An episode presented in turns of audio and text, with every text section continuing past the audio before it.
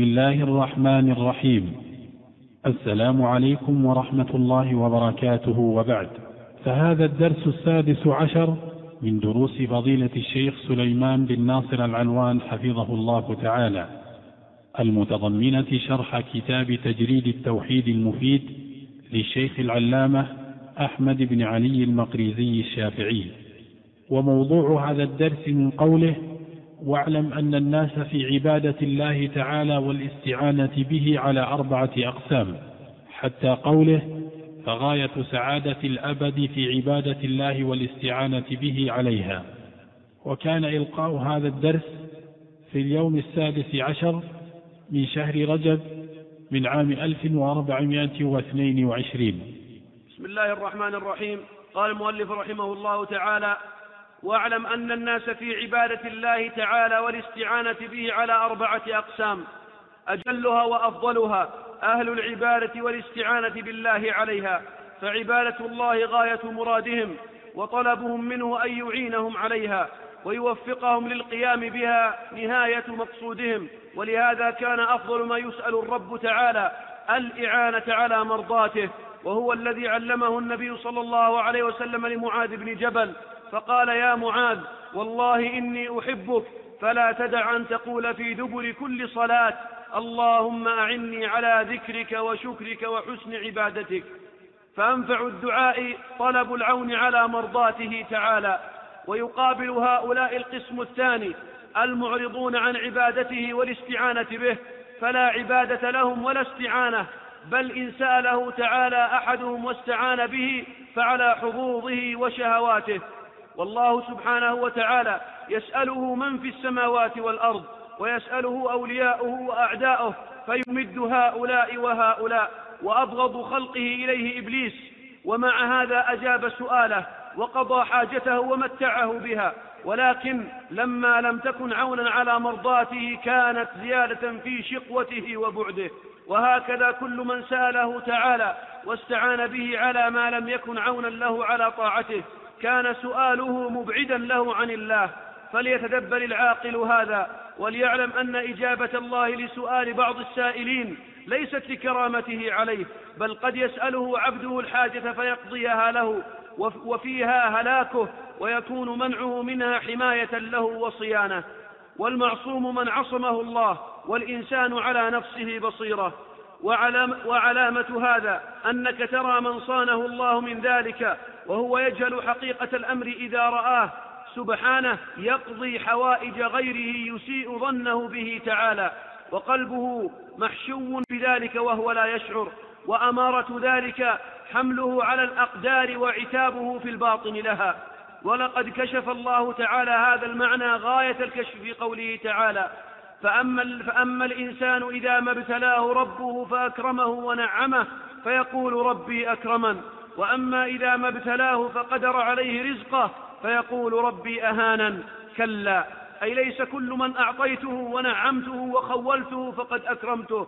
وما ذاك لكرامته علي ولكنه ابتلاء مني وامتحان له. أيشكرني فأعطيه فوق ذلك؟ أم يكفرني فأسلبه إياه وأحوله عنه لغيره؟ وليس كل من ابتليته فضيقت عليه رزقه. وجعلته بقدر لا يفضل عنه فذاك من هوانه علي ولكنه ابتلاء وامتحان مني له. أيصبر فأعطيه أضعاف ما فاته أم يتسخط فيكون حظه السخط؟ وبالجملة فأخبر تعالى أن الإكرام والإهانة لا يدوران على المال وسعة الرزق وتقديره فإنه سبحانه يوسع على الكافر لا لكرامته ويقتر على المؤمن لا لهوانه عليه وإنما يكرم سبحانه من يكرم من عباده بأن يوفقه لمعرفته ومحبته وعبادته واستعانته. فغاية سعادة العبد في عبادة الله والاستعانة به عليها. الحمد لله رب العالمين والصلاة والسلام على نبينا محمد وعلى آله وصحبه أجمعين. قال المؤلف رحمه الله تعالى واعلم أن الناس في عبادة الله تعالى والاستعانة والاستعانة به على أربعة أقسام. قوله واعلم من العلم واعلم من العلم. وهذا أمر والأمر في كلام الله للوجوب والأمر في كلام الرسول صلى الله عليه وسلم للوجوب والأمر في كلام عامة الناس للالتماس والطلب. وفي المراقي قال وافعل لدى الأكثر للوجوب وقيل للندب أو المطلوب وقيل للوجوب أمر الرب وأمر من أرسله للندب. إلا أن المؤلف رحمه الله تعالى لا يطلب طلبا دنيويا ولا يطلب في قضاء حوائجه إنما يأمر بأمر يتعلق بأصول الدين. يأمر بأمر دل عليه كتاب الله ودلت عليه سنة رسول الله صلى الله عليه وسلم ودل عليه العقل الصحيح. فمن علم هذه المسائل فهم التوحيد وفهم معاني القرآن. وأدرك شيئا كثيرا مما أمر به. العلم هو إدراك الشيء على ما هو عليه.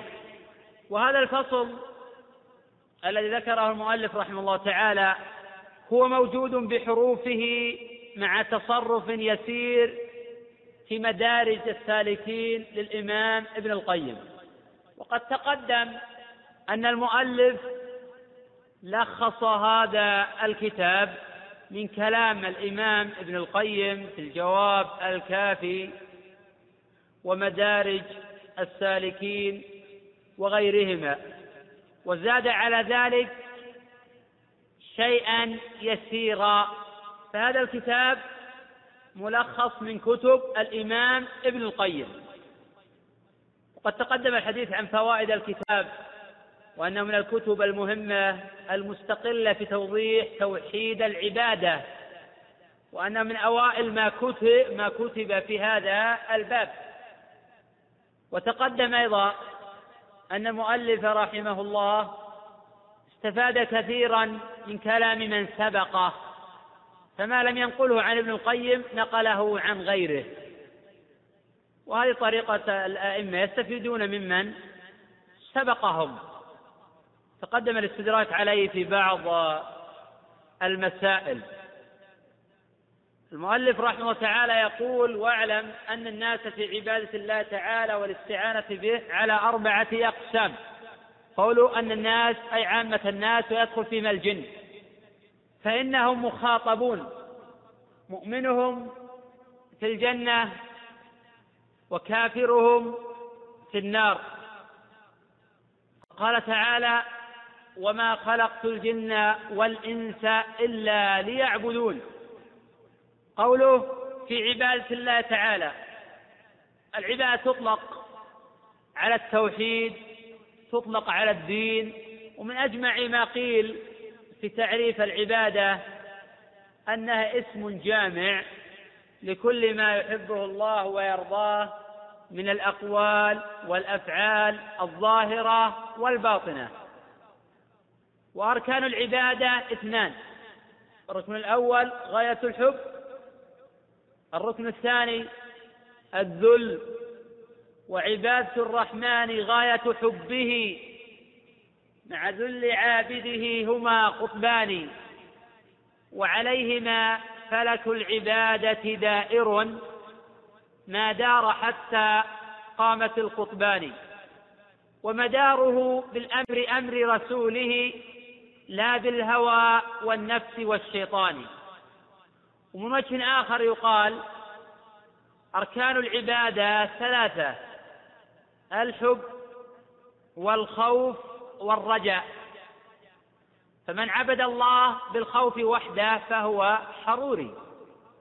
ومن عبد الله بالرجاء وحده فهو مرجئ. ومن عبد الله بالحب وحده فهو زنديق. ومن عبد الله بالحب والخوف والرجاء فهو مؤمن موحد. وشروط العبادة اثنان. الشرط الأول الإخلاص. الإخلاص لله رب العالمين. والإخلاص هو إرادة وجه الله. إنما نطعمكم لوجه الله. وقال تعالى وما أمروا إلا ليعبدوا الله مخلصين له الدين. الشرط الثاني المتابعة. فمن أخلص لله ولم يتابع نبيه صلى الله عليه وسلم فعمله مردود. ومن تابع نبيه ظاهرا ولم يخلص لله رب العالمين فعمل باطل. قوله والاستعانة به. أي واعلم أن الناس في عبادة الله تعالى والاستعانة به. الاستعانة تقتضي كمال الذل لله تعالى وتفويض الأمر إليه. قال تعالى إياك نعبد وإياك نستعين. وتقديم المعمول على العامل يفيد الحصر. وتقديم المعمول على العامل يفيد الحصر. وكون العبادة قدمت على الاستعانة فهذا من باب تقديم الغايات على الوسائل. فهذا من باب تقديم الغايات على الوسائل. وقد يكون من باب أن الاستعانة جزء من العبادة من غير عكس. فجاء التخصيص بعد التعميم. قوله على أربعة أقسام. أي أن الناس في عبادة الله والاستعانة به ينقسمون إلى أربعة أقسام. بدأ المؤلف رحمه الله تعالى بأولها فقال أجلها وأفضلها أهل العبادة والاستعانة بالله عليها. فعبادة الله غاية مرادهم. تقدم تعريف العبادة والاستعانة وقوله فعبادة الله غاية مرادهم لأن الله جل وعلا ما خلق الخلق من قلة فيستكثر بهم ولا من ضاعف فيستنصر بهم ولا من وحشة فيستأنس بهم. إنما خلقهم لغاية وهذه الغاية هي أكبر من الدنيا وما فيها وهي عبادته وتوحيده وإخلاص العمل له. كما تقدم في آية الذاريات وما خلقت الجن والإنس إلا ليعبدون. قال ابن عباس أي يوحدون؟ وقال مجاهد وغيره إلا لآمرهم وأنهاهم. والناس يتفاوتون في تحقيق منزلة هذه العبودية وتحقيق مقاماتها ويتفاوتون في ذلك تفاوتا كبيرا وذلك على حسب ما يقوم بقلوبهم وتباشره جوارحهم. ولكن إفراد الله بالعبادة شرط للإسلام. فمن أفرد الله بالعبادة فهو المسلم ومن عبد معه غيره كأن يطوف على القبور أو يدعو الله تارة والبدوي تارة أخرى فهذا ليس بمسلم. وإن شهد أن لا إله إلا الله وأن محمدا رسول الله. قوله وطلبهم منه أن يعينهم عليها ويوفقهم للقيام بها نهاية مقصودهم. نهاية خبر. فإنه لا حول ولا قوة إلا بالله. فالله جل وعلا هو الذي يوفق العبد ويعينه على القيام بهذه العبودية العظيمة. فلا يستغني العبد عن ربه طرفة عين. ويعبد الله جل وعلا ويسأله الإعانة. وهذا صريح قوله تعالى إياك نعبد وإياك نستعين. فكل عابد لله مستعين به وليس كل مستعين بالله عابدا له. قد تقدم قبل قليل أن الغايات قدمت في هذه الآية على الوسائل. قال المؤلف رحمه الله تعالى ولهذا كان أفضل ما يسأل الرب تعالى الإعانة على مرضاته. الإعانة نصب على أنه خبر كان لأن من أحب العبادة ولم يعمل لم يجدي عنه ذلك شيئا. فكان من الضروري أن يسأل الله الإعانة. وحينها قد يوفق فيجاب وقد يحرم لأسباب. لكن حري من طرق الباب وسأل الله بصدق ولجأ إلى مولاه وتضرع بين يديه أن يلهمه رشده وأن يعينه على عبادته وأن يوفقه لخيري الدنيا والآخرة. قال تعالى اهدنا الصراط المستقيم. صراط الذين أنعمت عليهم. أي من النبيين والصديقين والشهداء والصالحين. قال تعالى غير المغضوب عليهم ولا الضالين. مغضوب عليهم هم اليهود. من صفاتهم يعلمون ولا يعملون. الضالين النصارى. ومن صفاتهم يعملون ولا يعلمون. فهم يعبدون الله على جهل. قال المؤلف وهو الذي علمه النبي صلى الله عليه وسلم لمعاذ بن جبل. علمه سؤال الرب الإعانة على مرضاته. فقال يا معاذ والله إني أحبك فلا تدع أن تقول في دبر كل صلاة اللهم أعني على ذكرك وشكرك وحسن عبادتك. وهذا الحديث رواه الإمام أحمد وأبو داود والنسائي والحاكم وصححه وابن حبان وصححه من طرق عن المقرئ. قال حدثنا حيوى بن شريح قال سمعت عقبة ابن مسلم التجيبي يقول حدثني أبو عبد الرحمن الحبولي عن الصنابحي عن معاذ بن جبل. وهذا إسناد صحيح. قوله يا معاذ والله إني أحبك. في جواز الحلف على الأمور المهمة. بل يؤخذ من هذا مشروعية الحلف على الأمور المهمة. وفي جواز الحلف من غير استحلاف. قوله إني أحبك. لأن من من أحب أخاه فليعلمه. وليقل له أخوه أحبك الله الذي أحببتني فيه. قوله فلا تدع أن تقول في دبر كل صلاة. أي فلا تترك. أن تقول في دبر كل صلاة. يحتمل هذا أحد معنيين. المعنى الأول أن يقوله بعد السلام. فيطلق الدبر على ما بعد الشيء. وهذا قول طائفة من فقهاء الشافعية والحنابلة وغيرهم.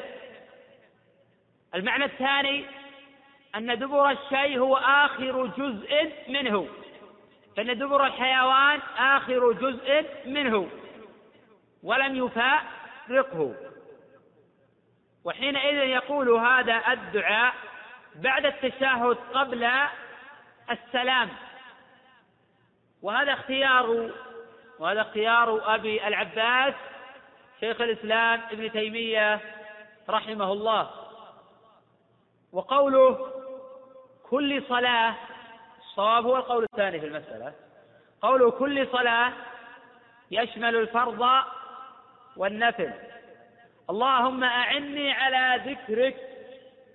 سأل الله الإعانة على مرضاته.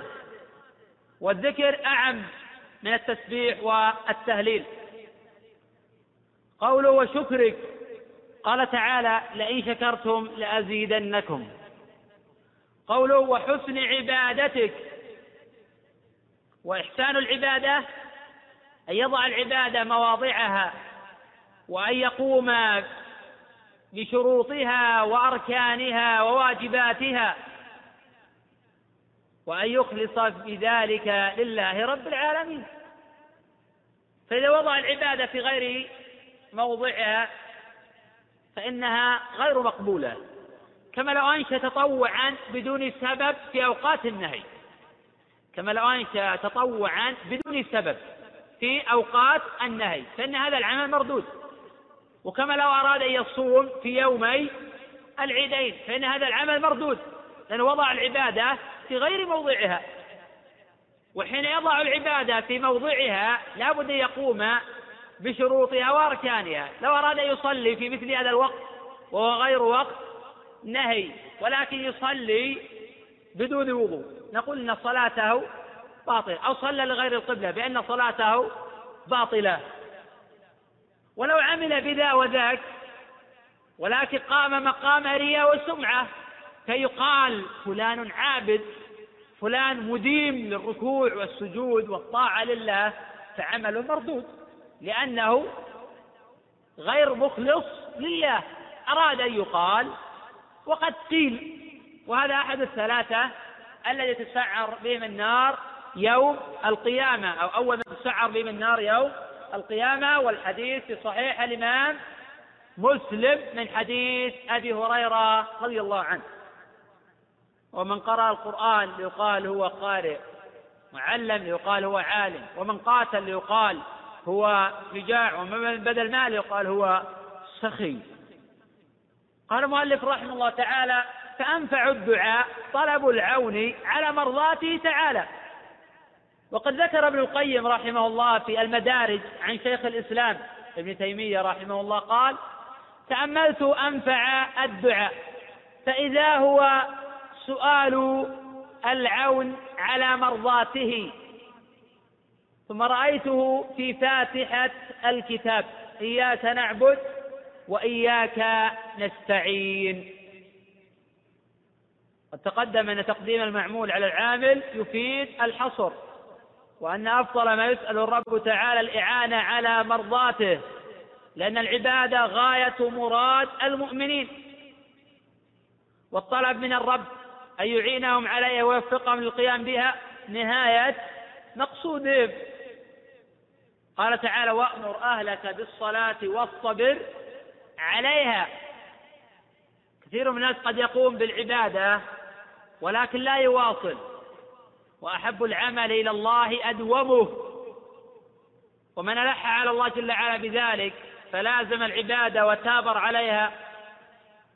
وفهو في هذه الحالات يسأل الله جل وعلا الإعانة ويلح على الله جل وعلا بقوله اللهم أعني على ذكرك وشكرك وحسن عبادتك فحري أن يوفقه الله جل وعلا حتى يوافي الرب جل وعلا وهو على ذلك. قال المؤلف رحمه الله تعالى ويقابل هؤلاء القسم الثاني وهم المعرضون عن عبادته والاستعانة به فلا عبادة لهم ولا استعانة. بل إن سأله تعالى أحدهم واستعان به فعلى حظوظه وشهواته. وهؤلاء المعرضون يتفاوتون في هذا الإعراض. وهؤلاء المعرضون يتفاوتون في هذا الإعراض. ففيهم الكفار وفيهم من هو دون ذلك. فمن أعرض عن العبادة بالكلية فلا ريب أنه كافر. ومن أظلم ممن ذكر بآيات ربه ثم أعرض عنها. وقال تعالى ومن أظلم ممن ذكر بآيات ربه فأعرض عنها. والآية الأخرى ثم أعرض عنها. وقال تعالى والذين كفروا عن والذين كفروا عما أنذروا معرضون. عما أنذروا أي عما جاءتهم به الرسل ونزلت به الكتب. معرضون. بقلوبهم وأسماعهم فلا يصغون لنصح الناصحين ولا لتعليم المعلمين. وقد تقدم أن العبادة اسم جامع لكل ما يحبه الله ويرضاه.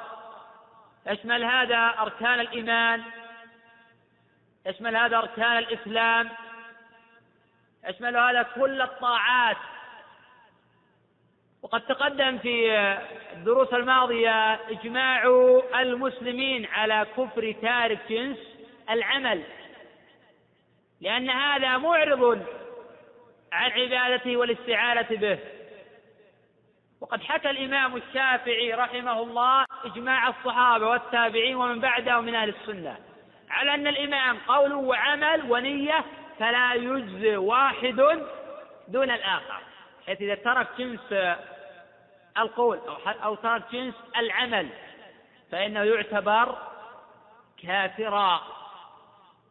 قال المؤلف يقول بل إن سأله أحدهم أي إن سأل الله أحدهم واستعان به فعل حظوظه وشهواته حيث يستخدمون الدين ولا يخدمون الدين.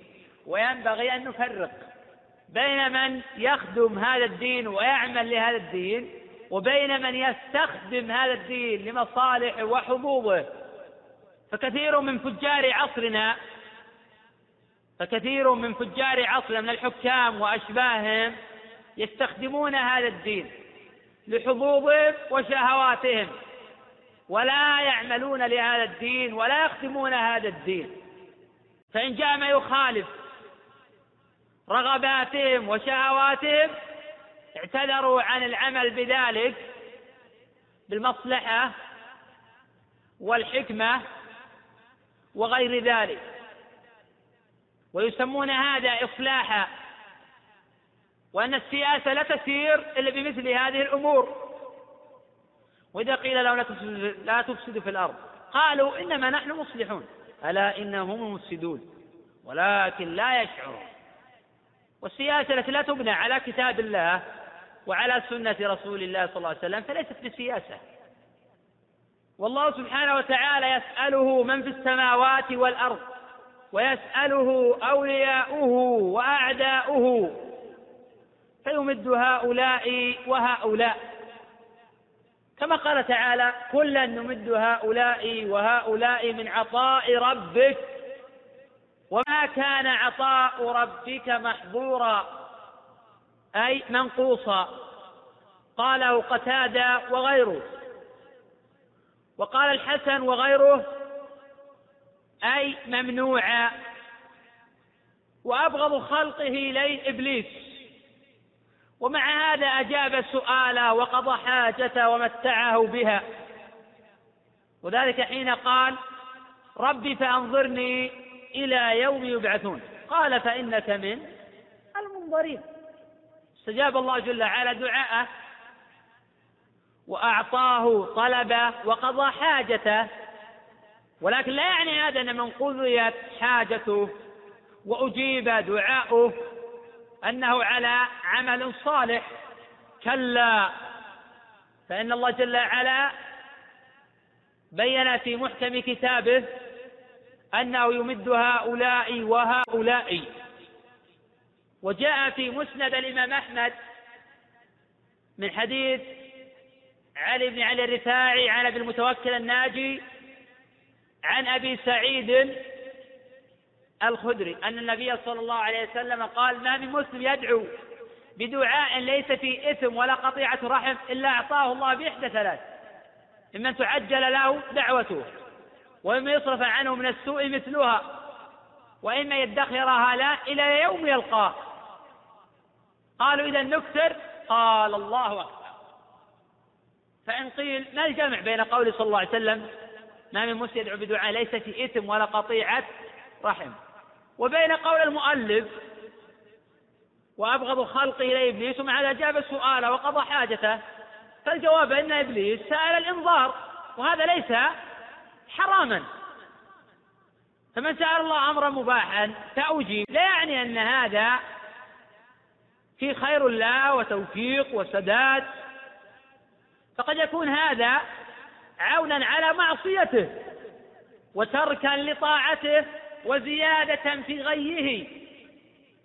فلا تنافي بين قوله صلى الله عليه وسلم وبين أن الله جل وعلا أجاب إبليس. فمن دعا الله بإثم لا يستجاب دعاؤه ولكن قد يلح على الله في أمر مباح فيستجيب الله جل وعلا له ذلك ولا يكون هذا سببا للخير ولا زيادة في الطاعة. قال المؤلف وهكذا كل من سأله تعالى واستعان به على ما لم يكن عونا له على طاعته كان سؤاله مبعدا لا عن الله. كمن سأل الله الرزق والمال والثروة فاستجاب الله له ذلك.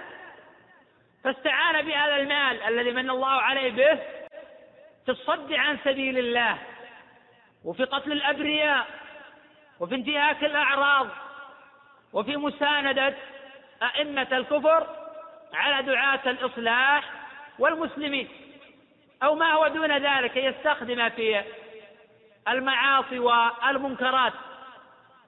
أو أن يبذل هذا المال فيما حرم الله عليه وأن يكون عونا لأهل المعاصي على معاصيهم وحفظا لمعاقلهم المحرمة كأن يبذل في دعم الأغاني ودعم الأندية الرياضية وما يتعلق بذلك.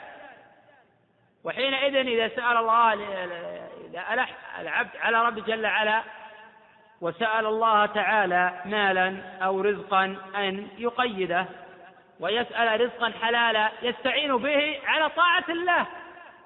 وإذا ما قدر له هذا المال لا يسخط ولا يجزع. فلربما قد دفع عنه مكروه. قال المؤلف فليتدبر العاقل هذا وليعلم أن إجابة الله لسؤال بعض السائلين ليست لكرامته عليه.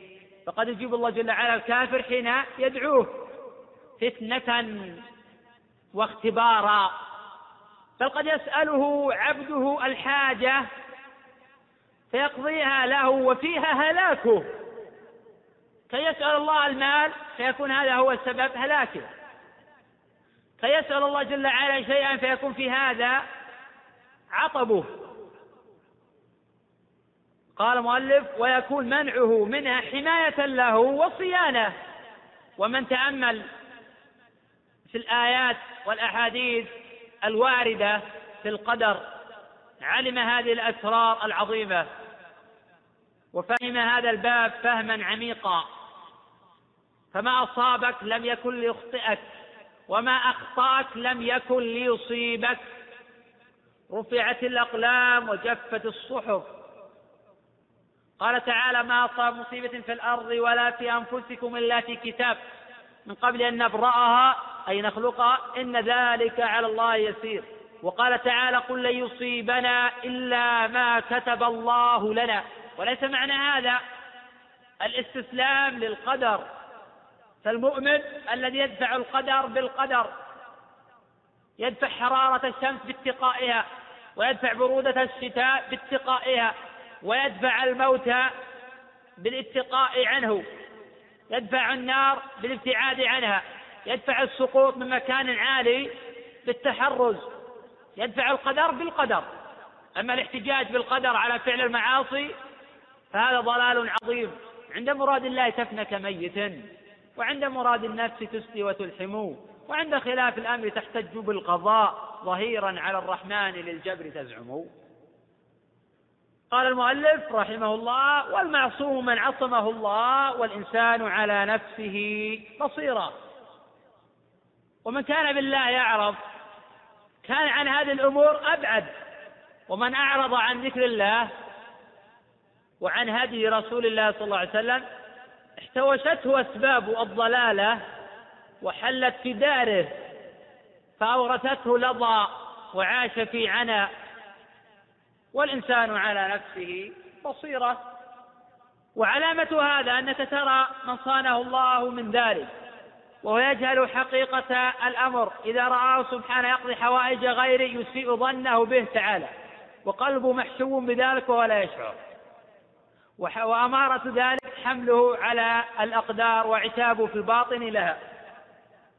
إن هذا سأل الله فصانه الله جل وعلا عن ذلك ولم يستجب دعاءه وسأل الله قضاء حوائجه فما استجيب له فإنه يعترض على القدر ويسيء الظن بالله جل وعلا ولا سيما إذا رأى غير قد قضيت حاجته.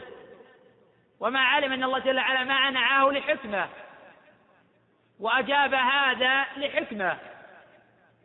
ومن فهم معنى اسم الله الحكيم أدرك شيئا من ذلك. فالحكيم هو الذي يضع الأمور مواضعها والذي يعلم السر وما أخفى.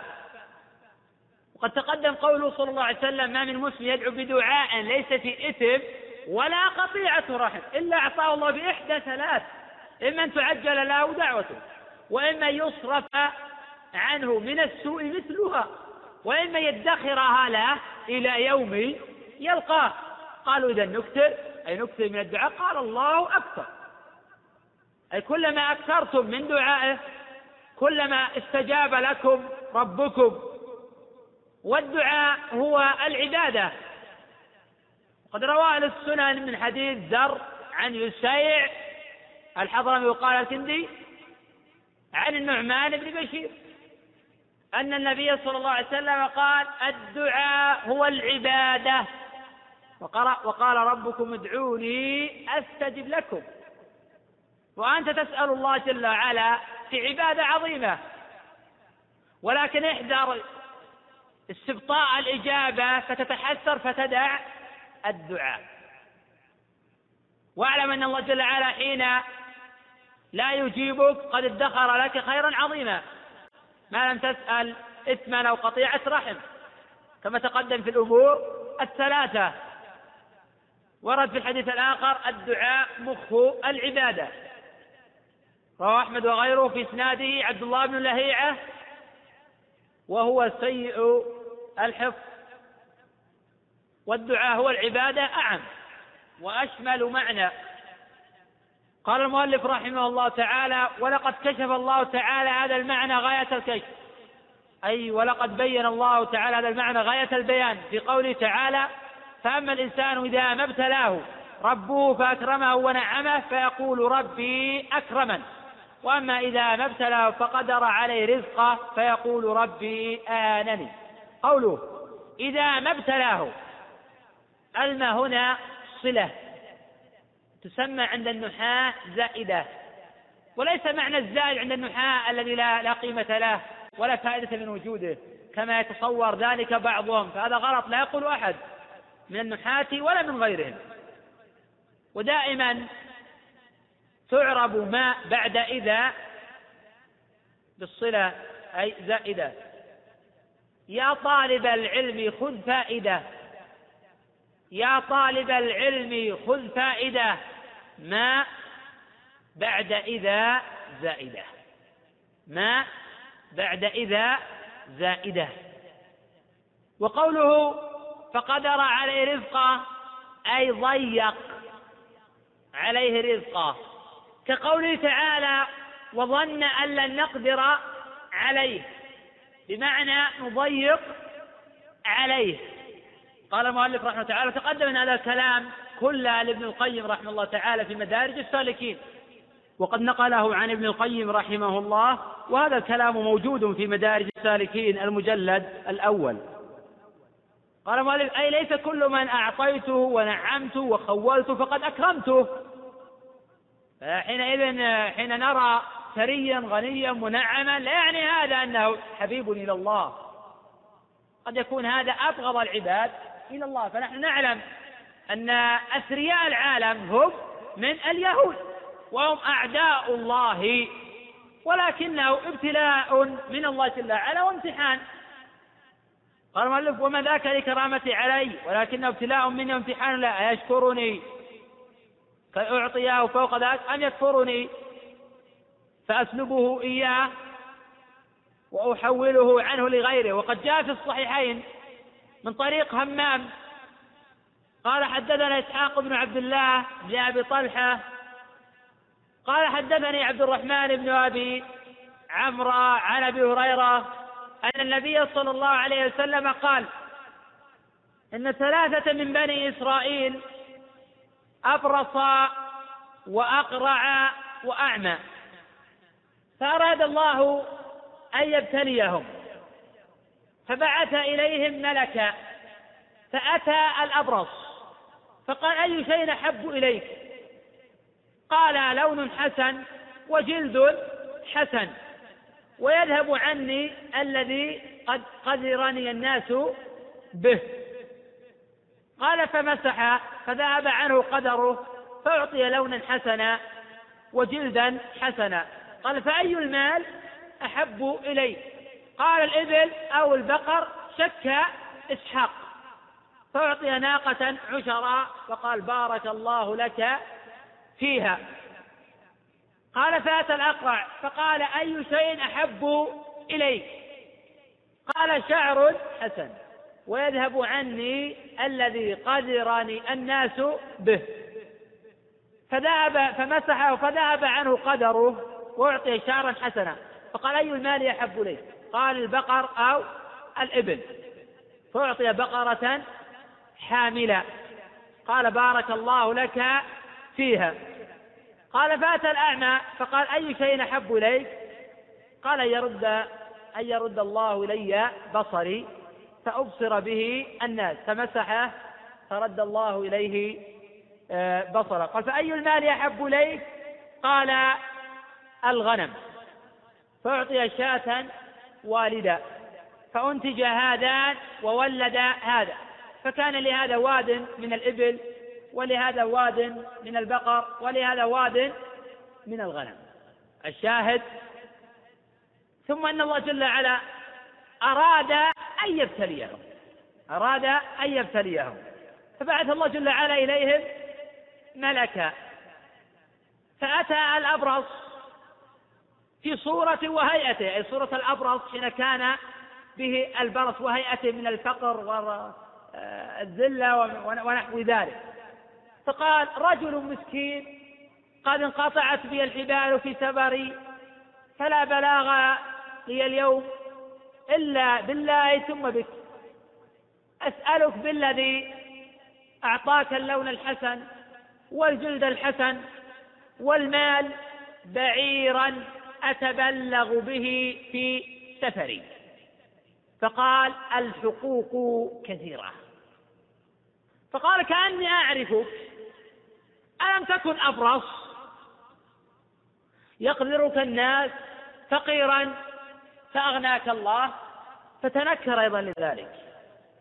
فقال إنما ورثت هذا المال كابرا عن كابر. فقال إن كنت كاذبا فصيرك الله إلى ما كنت وأتى الأقرع في صورة وهيئته فقال له مثل ما قال للأبرص فرد عليه مثل ما رد عليه الأبرص فقال إن كنت كاذبا فصيرك الله إلى ما كنت. ثم أتى الأعمى. فقال قد انقطعت بي الحبال. فلا بلاغ لي اليوم إلا بالله ثم بك. أسألك بالذي رد عليك بصرك. شاة نتبلغ بها في سفري. قال خذ ما شئت ودع ما شئت. فوالله لا أجهدك على شيء أخذته لله. قال أمسك عليك مالك فإنما ابتليتم. فقد رضي الله عنك وسخط على صاحبك. هذا معنى قول المؤلف. ليس كل يعني في تفسير الآية. هنا قال الله جل وعلا فأما الإنسان إذا ابتلاه ربه فأكرم ونعم فيقول ربي أكرمن أي ليس كل من أعطيته ونعمته وخولته؟ فقد أكرمته. وما ذاك كرامته عليه ولكن ابتلاء مني وامتحان لي. أيشكرني فأعطيه فوق ذلك. أن يكفرني فأسلبه إياه وأحوله عنه وأحوله عنه لغيره. وليس كل من ابتليت فضيقت عليه رزقه وجعلته بقدر لا يفضل عنه. فذاك من هوانه علي. ولكنه ابتلاء وامتحان مني له. أيصبر فأعطي أضعاف ما فات أم يتسخط فيكون حظه السخط.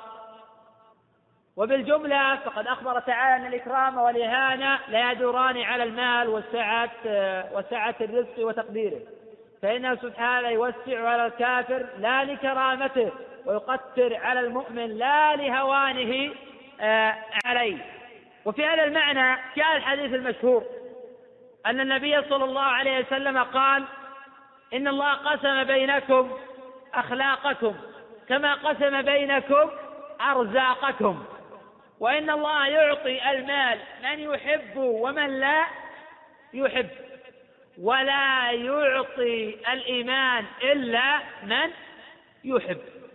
رواه الحاكم ورواته ثقات وقد أعل بالوقت. وهذا قول الإمام الدار قطني رحمه الله في كتابه العلل.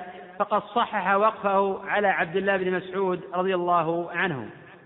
وإنما يكرم الله سبحانه من يكرم من عباده بأن يوفقه لمعرفته ومحبته وعبادته والسعادة فهذه الكرامة الحقيقية وهذه السعادة الأبدية. فالأصول التي تبنى عليها السعادة هي ثلاثة. فالأصول التي تبنى عليها السعادة هي ثلاثة. لكل واحد منها ضد. الأول التوحيد وضده الشرك. الثاني السنة وضدها البدعة. ثالث الطاعة وضدها المعصية. قال المؤلف رحمه الله فغاية سعادة الأبد في عبادة الله والاستعانة به عليها. وهذه السعادة الدنيوية والأخروية جمعت في آية واحدة. إياك نعبد وإياك نستعين. وقد قال ابن القيم رحمه الله تعالى في المدارج والسر الخلق والأمر والكتب والشرائع والثواب والعقاب انتهى إلى هاتين الكلمتين. وعليهما مدار العبودية. والتوحيد. حتى قيل أنزل الله مئة كتاب وأربعة كتب. جمع معانيها في التوراة والإنجيل والقرآن. وجمع معاني هذه الكتب الثلاثة في القرآن. وجمع معاني القرآن في المفصل. وجمع معاني المفصل في الفاتحة. في إياك نعبد وإياك نستعين. وهذا اجتهاد منه رحمه الله ولم يثبت في الأدلة الصحيحة عدد الكتب. وبعض هذا الكلام استنباط والمقصود بيان ما تضمنته هاتان الكلمتان من عظيم المعاني وكبير الفوائد. وقد دلت الآية على أصول السعادة كما تقدم توضيحها. وإلى هذا انتهى الشرح. فنقف على قول المؤلف رحمه الله تعالى. القسم الثالث من له نوع عبادة بلا استعانة وهؤلاء نوعان. نكمل إن شاء الله تعالى ذلك في الدرس القادم. والله تعالى أعلم. طبعا هذا ما يتعلق بالدرس. المفروض تكون الأسئلة متوجهة فيما يتعلق بالدرس. أما الرسل فنعم معصومون من الكبائر بإجماع المسلمين. وأما الصغائر فتقع منهم ولا يقرون عليها بل يوفقون للتوبة والإنابة والعمل الصالح.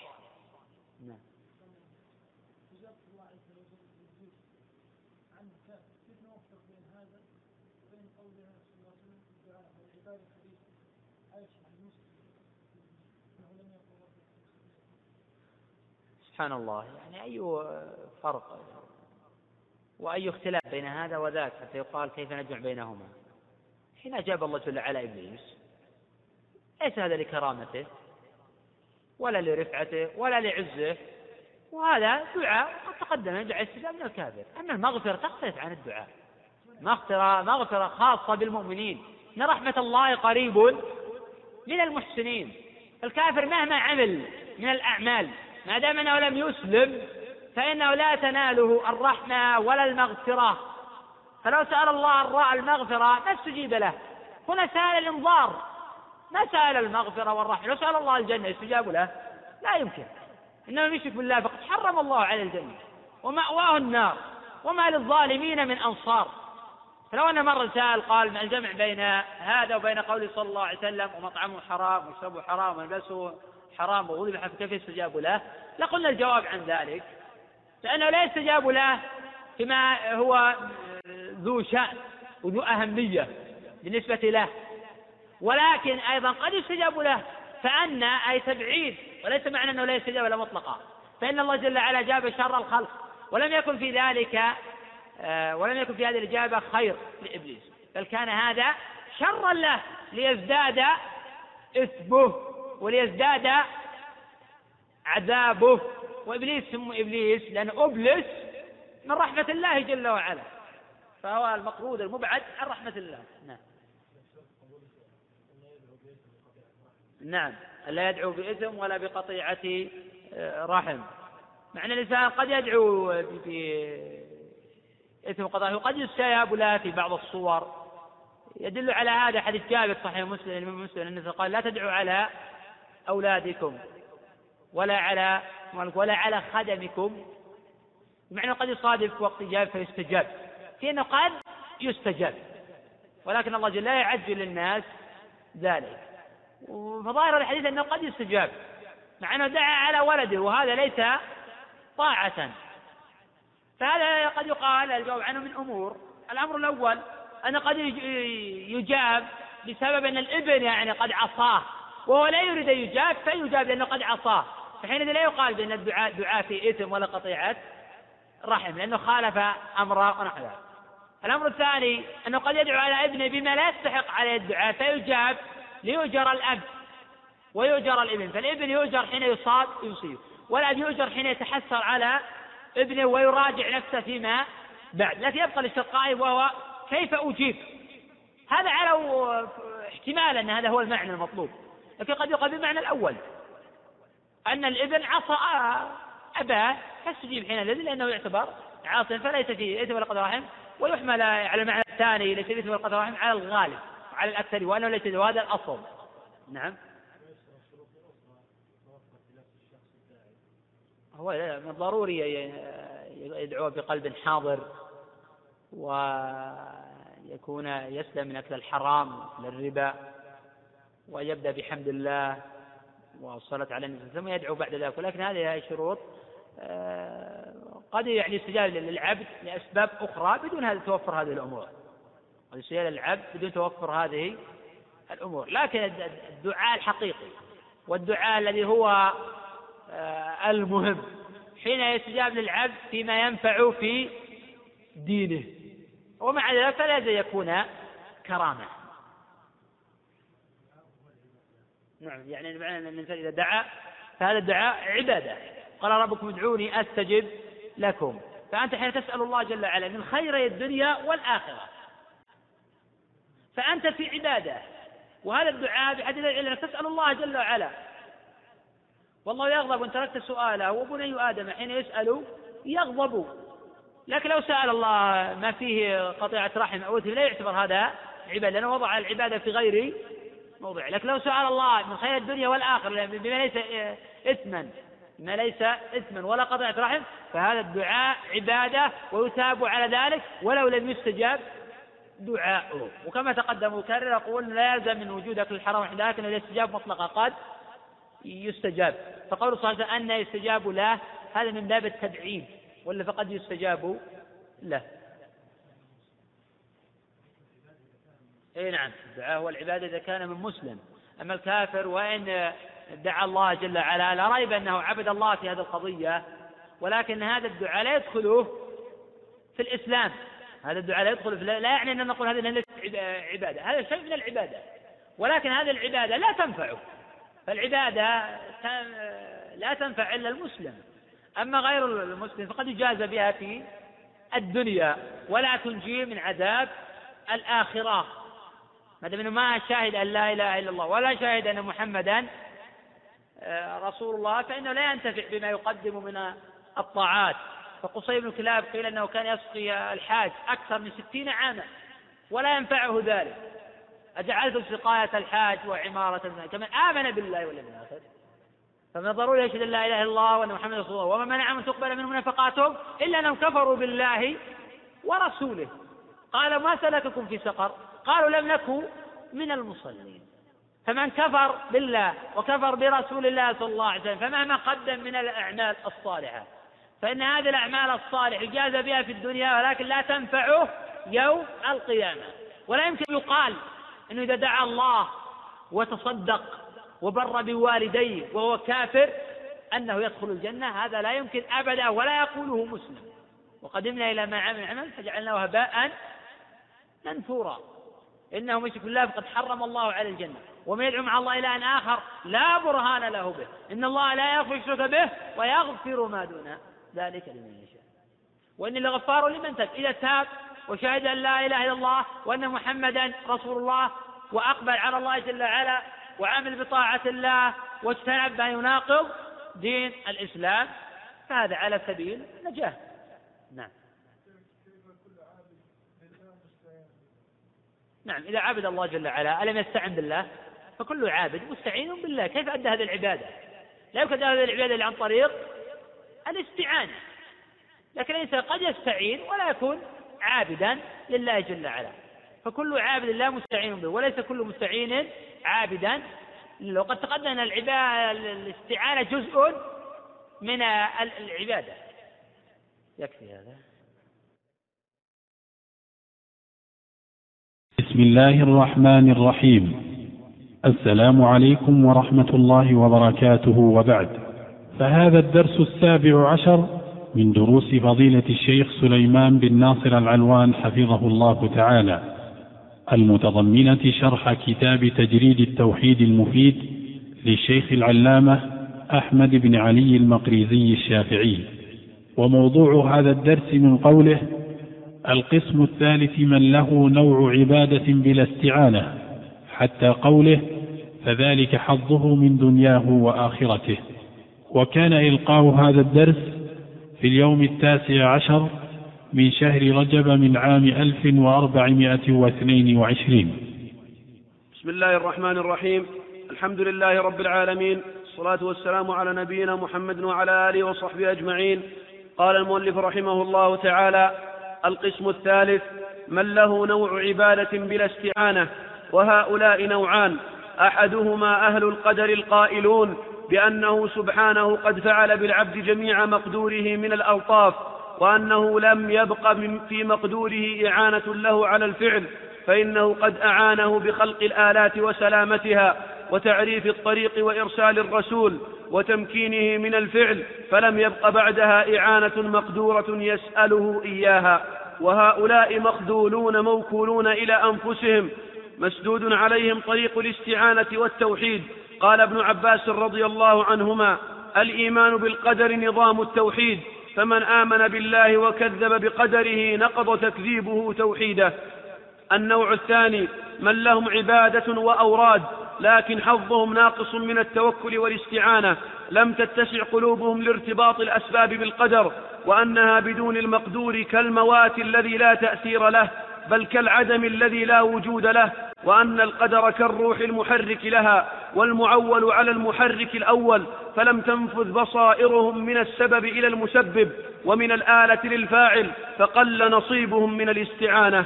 وهؤلاء لهم نصيب من التصرف بحسب استعانتهم وتوكلهم ونصيب من الضعف والخذلان بحسب قلة استعانتهم وتوكلهم. ولو توكل العبد على الله حق توكله في إزالة جبل عن مكانه لأزاله فإن قيل ما حقيقة الاستعانة عملا قلنا هي التي يعبر عنها بالتوكل وهي حالة للقلب تنشأ عن معرفة الله تعالى.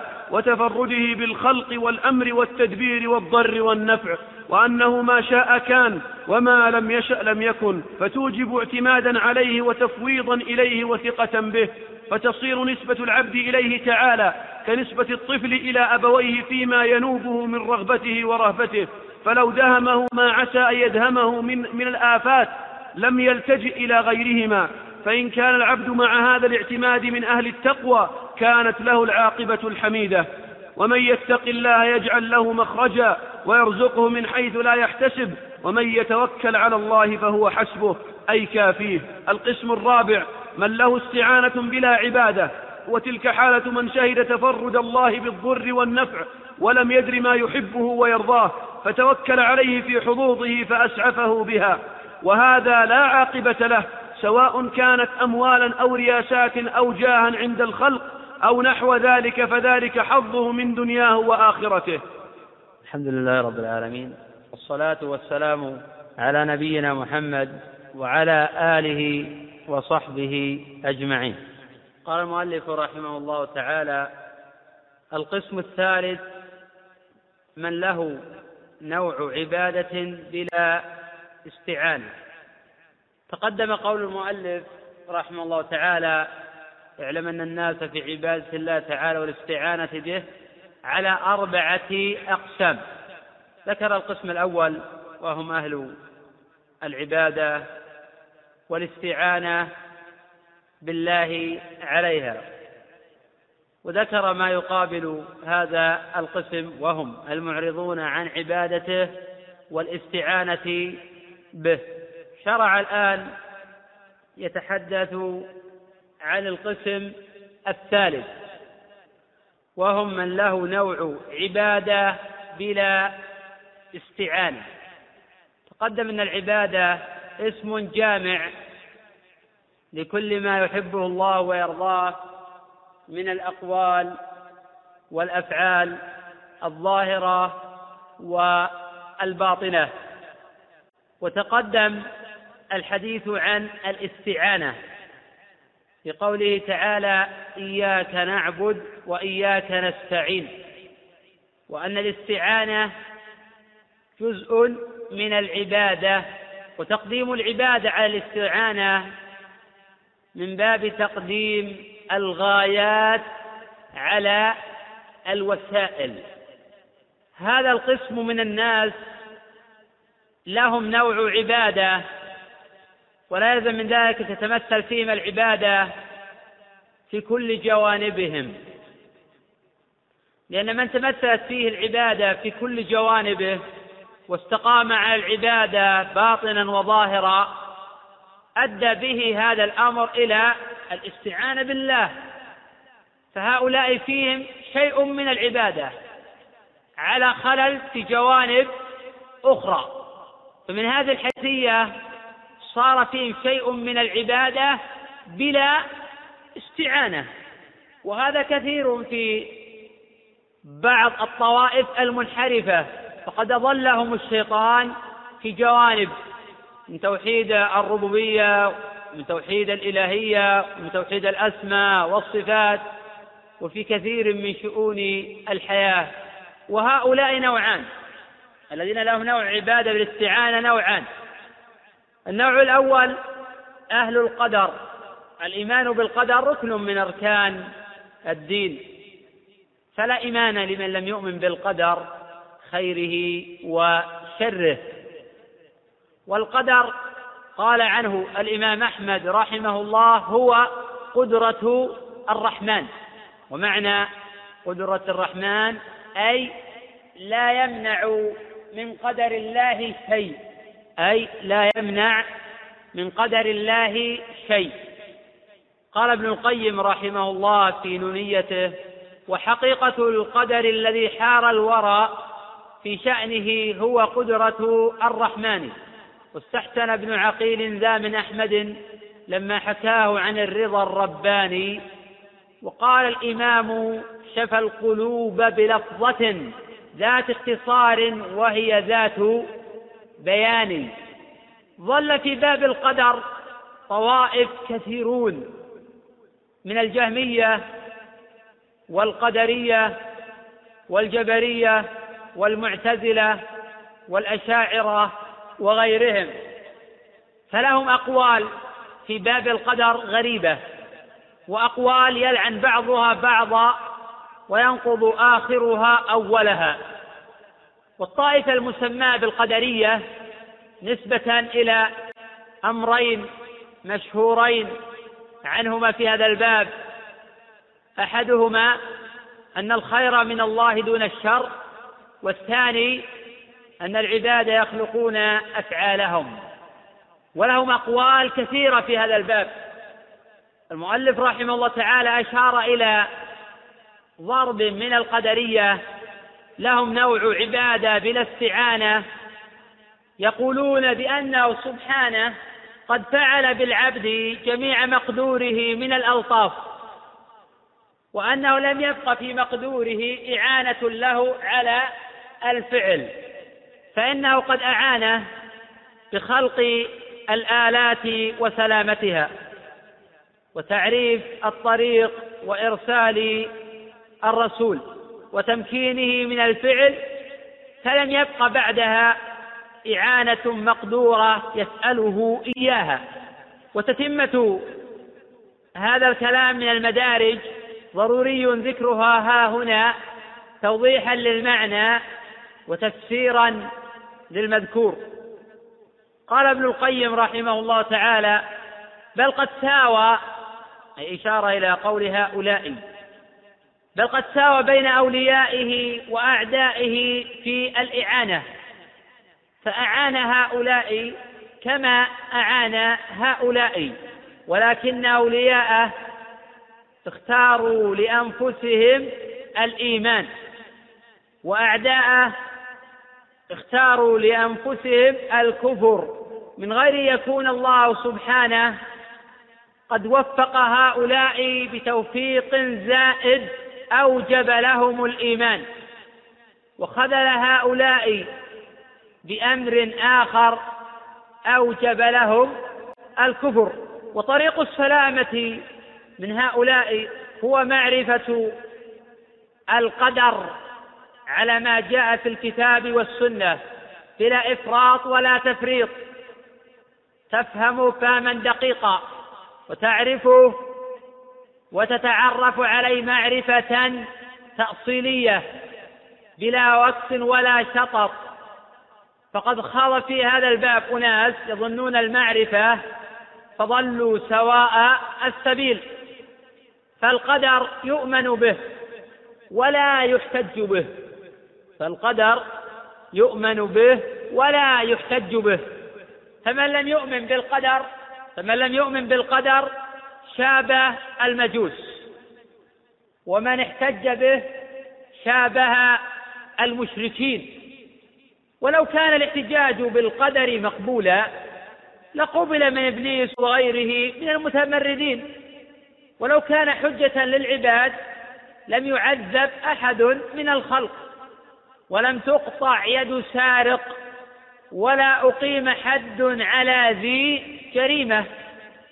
ومن الأمور التي بفهمها ومعرفتها يحصل التخلص من مذاهب القدرية المنحرفين هو الإيمان بما جاءت به الرسل وفهم ذلك ومن ذلك دراسة تاريخ الأنبياء والمرسلين ولا سيما إمامهم وخاتمهم نبينا محمد صلى الله عليه وسلم.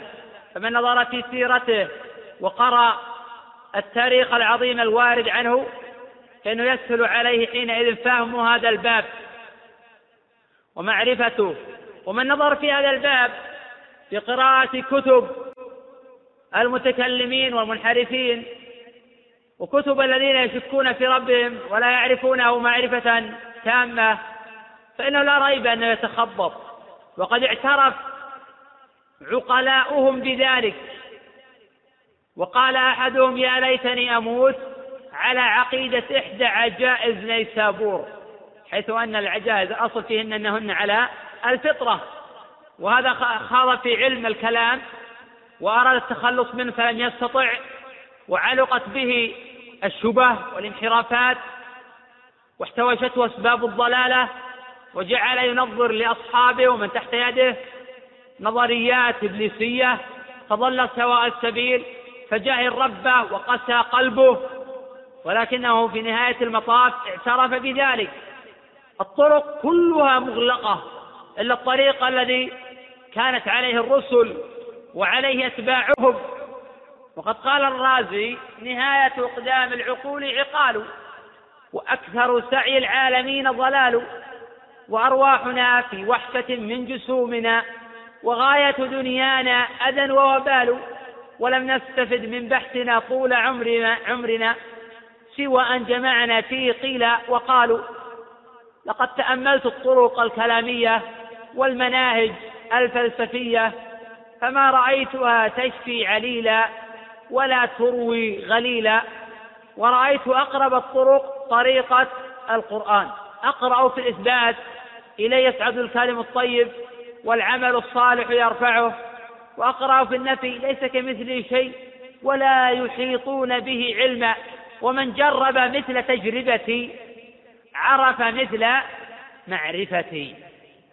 وقال الآخر الشهر الثاني لقد تأملت المعاهد كلها وسيرت طرفي بين تلك المعالم فلم أر إلا واضعا كف حائر على ذقن أو قارعا سن نادم ومن الأدلة الدالة على نقض مذاهب أهل القدر في هذا العقل. فالعقل الذي خلقه الله لنا والناس يتفاضلون يتفاضلون بتفاضل وتكامل عقولهم. فمن لا عقل له لا قيمة له. صفاء العقل ينتج منه قوة العلم الثبات في مواطن الحق القوة الإقدام الشجاعة التمييز وهذا هو المراد التمييز بين الحق والباطل. ولا يعني هذا تقديس العقل كما تصنع المعتزلة والشاعرة حيث يقدمونه على النقل معاد الله. فالنقل مقدم على العقل ولكن العقل هو الذي يميز بين الحق وبين الباطل. فمن كان عقله سليما كان صفاء الحق أظهر له من غيره وكان إدراكه للحق أكثر من إدراك غيره وفهمه أعمق من فهم غيره. فالعقل نميز به بين الحق وبين الباطل. فمن آتاه الله عقلا علم من خلاله فساد مذاهب أهل القدر وعلم تناقضهم. فكونهم يقولون بأن الخير من الله دون الشر هذا فاسد بالنقل والعقل. فكونهم يقولون بأن الخير من الله دون الشر هذا فاسد بالعقل والنقل. وكونهم يقولون بأن العبد يخلق فعل نفسه هذا باطل عقلا وشرعا. وقد كان أئمة السلف يسمون القدرية مجوس هذه الأمة. وقد وردت في ذلك أحاديث مرفوعة إلى رسول الله صلى الله عليه وسلم. ولا يصح من المرفوع شيء. وجاءت موقوفة على جمع من الصحابة تقدم بيانها والحديث عنها. ووجه مشابهة القدرية للمجوس أن المجوس يثبتون خالقين خالقا للنور وخالقا للظلمة ولا يسوون بينهما. فيقدمون خالق النور على خالق الظلمة. فخالق النور هو الله جل وعلا. وحينئذ جعلوا مع الله خالقا آخر. وهما لا يستويان في نظرهم. تعالى الله عن قولهم علوا كبيرا. ما اتخذ الله من ولد وما كان معه من إله. إذا لذهب كل إله بما خلق ولا على بعضهم على بعض. سبحان الله عما يصفون. والقدرية يقولون إن الخير من الله والشر من غيره. فهذا وجه التشابه بينهم وبين المجوس. ولا فرق بين المذهبين البتة. الله خالق كل شيء. الله جل وعلا خلق الخير وخلق الشر والقدر كما تقدم. يؤمن به ولا يحتج به. فمن لم يؤمن بالقدر شابه المجوس. ومن احتج بالقدر شابه المشركين. ومن ثمرات الإيمان بالقدر أنه طريق التخلص من شرك المجوس وأنه يزيد في الإيمان ويكتسب في ذلك قوة وثباتا وشجاعة وإقداما على الحق لأنه يعلم أن ما أصاب لم يكن ليخطئه. وما أخطأ لم يكن ليصيبه. ومن ثمرات الإيمان بالقدر القدرة على مواجهة الصعاب والابتعاد عن الجزع. ومن ثمرات الإيمان بالقدر اكتساب التوكل واليقين. ومن كان إيمانه بالقدر خيره وشره أتم كان توكله ويقينه أكمل. ومن ثمرات الإيمان بالقدر الإخلاص لله رب العالمين. لأنه يعلم أن ما قدر لا سوف يأتيه وأن التطلع إلى مدح الآخرين لا يجزي ولا يغني عن صاحبه شيئا. ومن ثمرات الإيمان بالقدر أن طريق أن طريق التخلص من أمراض القلوب من الحسد وغيره. ومن ثمرات الإيمان بالقدر عدم اليأس من مواجهة الصعاب والإيمان بانتصار الحق ولو تكالبت عليه الأعداء فإن وعد الله حق. ومهما, تمهدت سبل الضلال ومهما قويت شوكته وعلت أصوات أهله فإن الحق سوف ينتصر وسوف يكسر شوكة أهل الباطل وسوف يذل أهل الفساد ويرغب أنوفهم. ومن ثمرات الإيمان بالقدر إحسان الظن بالله جل وعلا وقوة الرجاء وفيه غير ذلك. قال المؤلف رحمه الله تعالى وهؤلاء مخذولون موكولون إلى أنفسهم مسدود عليهم طريق الاستعانة والتوحيد. ولو كان لهم نصيب وحظ من العبادة لأن العبادة التي ما تؤدي إلى التعلق بالله وإلى الاستعانة به وإلى تفويض الأمر إليه فهي عبادة ناقصة والناس يتفاوتون في هذا الباب كما هم يتفاوتون في خلقهم ورزقهم واختلاف أشكالهم وتباين طبائعهم واختلاف بشراتهم وألوانهم.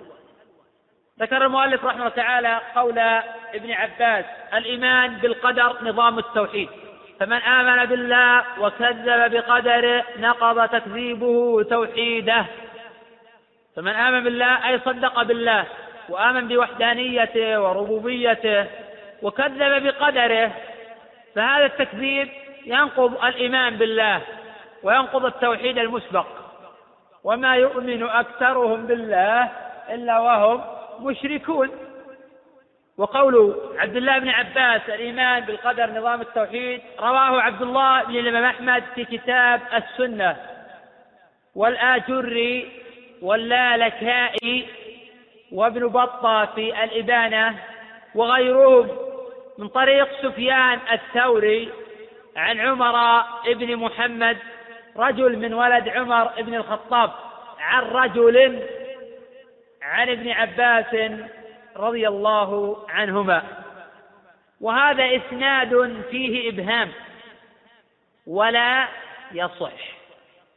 وقد صح عند أبي داود وابن ماجه وأحمد وغيرهما من طريق أبي سنان عن وهب بن خالد عن ابن الديلمي فيما يروي عن ابن مسعود عن ابن مسعود وأبي بن كعب أن النبي صلى الله عليه وسلم قال لو أنفقت مثل أحد ذهبا لو أنفقت مثل أحد ذهبا في سبيل الله ما قبله الله تعالى منك حتى تؤمن بالقدر وتعلم أن ما أصابك لم يكن ليخطئك وما أخطأك لم يكن ليصيبك.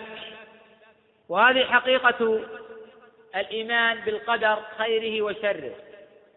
وقد تقدم أن القدر قدرة الله. بمعنى لا يمنع من قدر الله شيء. قل لن يصيبنا إلا ما كتب الله لنا.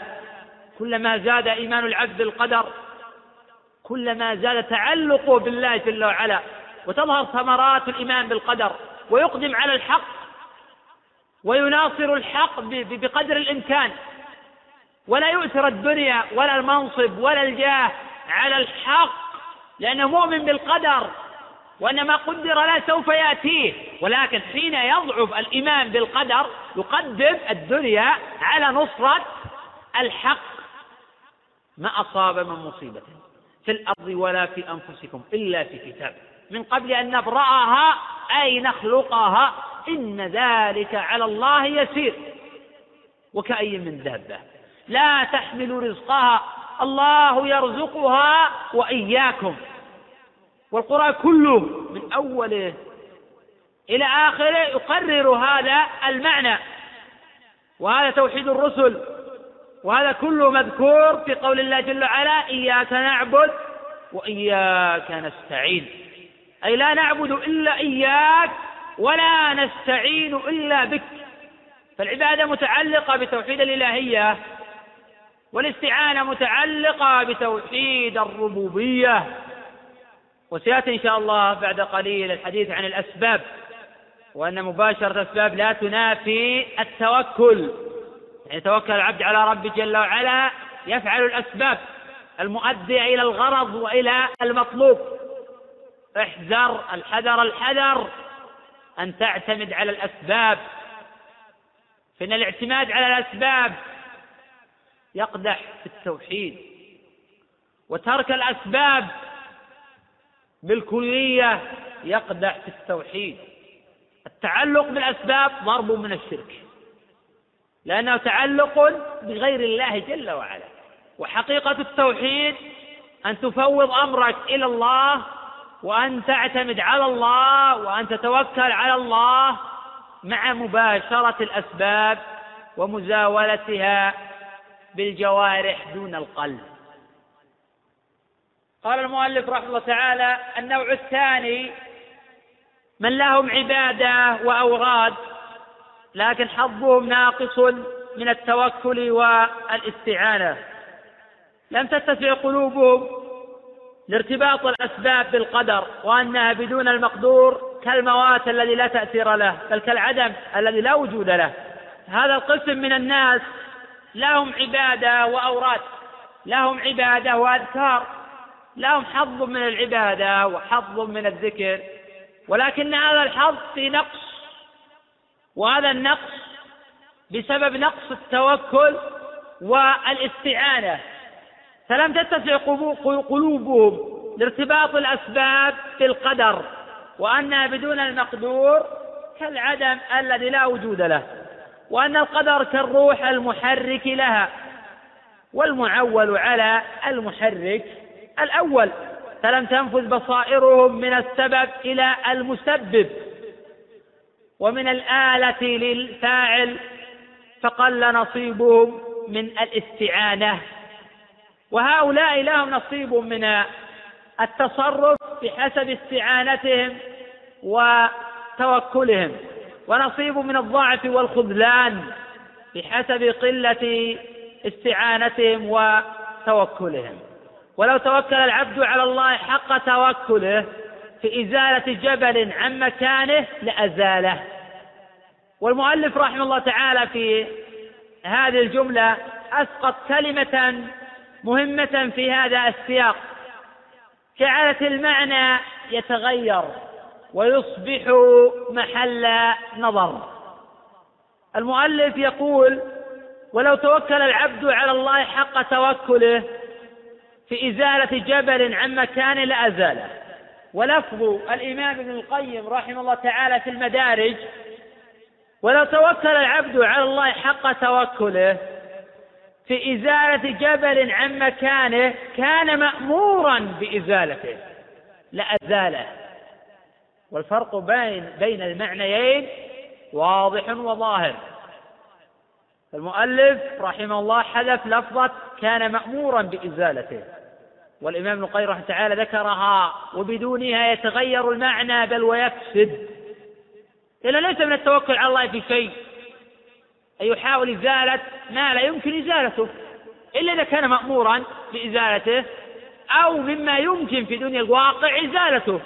ابن القيم يقول وكان مأمورا بإزالته أي مما يجوز إزالته ومما يساعد على ذلك الأمر الواقع. ومكلف الأيام ضد طباعها متطلب في الماء جذوة نار. وهذا القيد كان مأمورا بإزالته أهمله المؤلف وهو ضروري في صحة المعنى.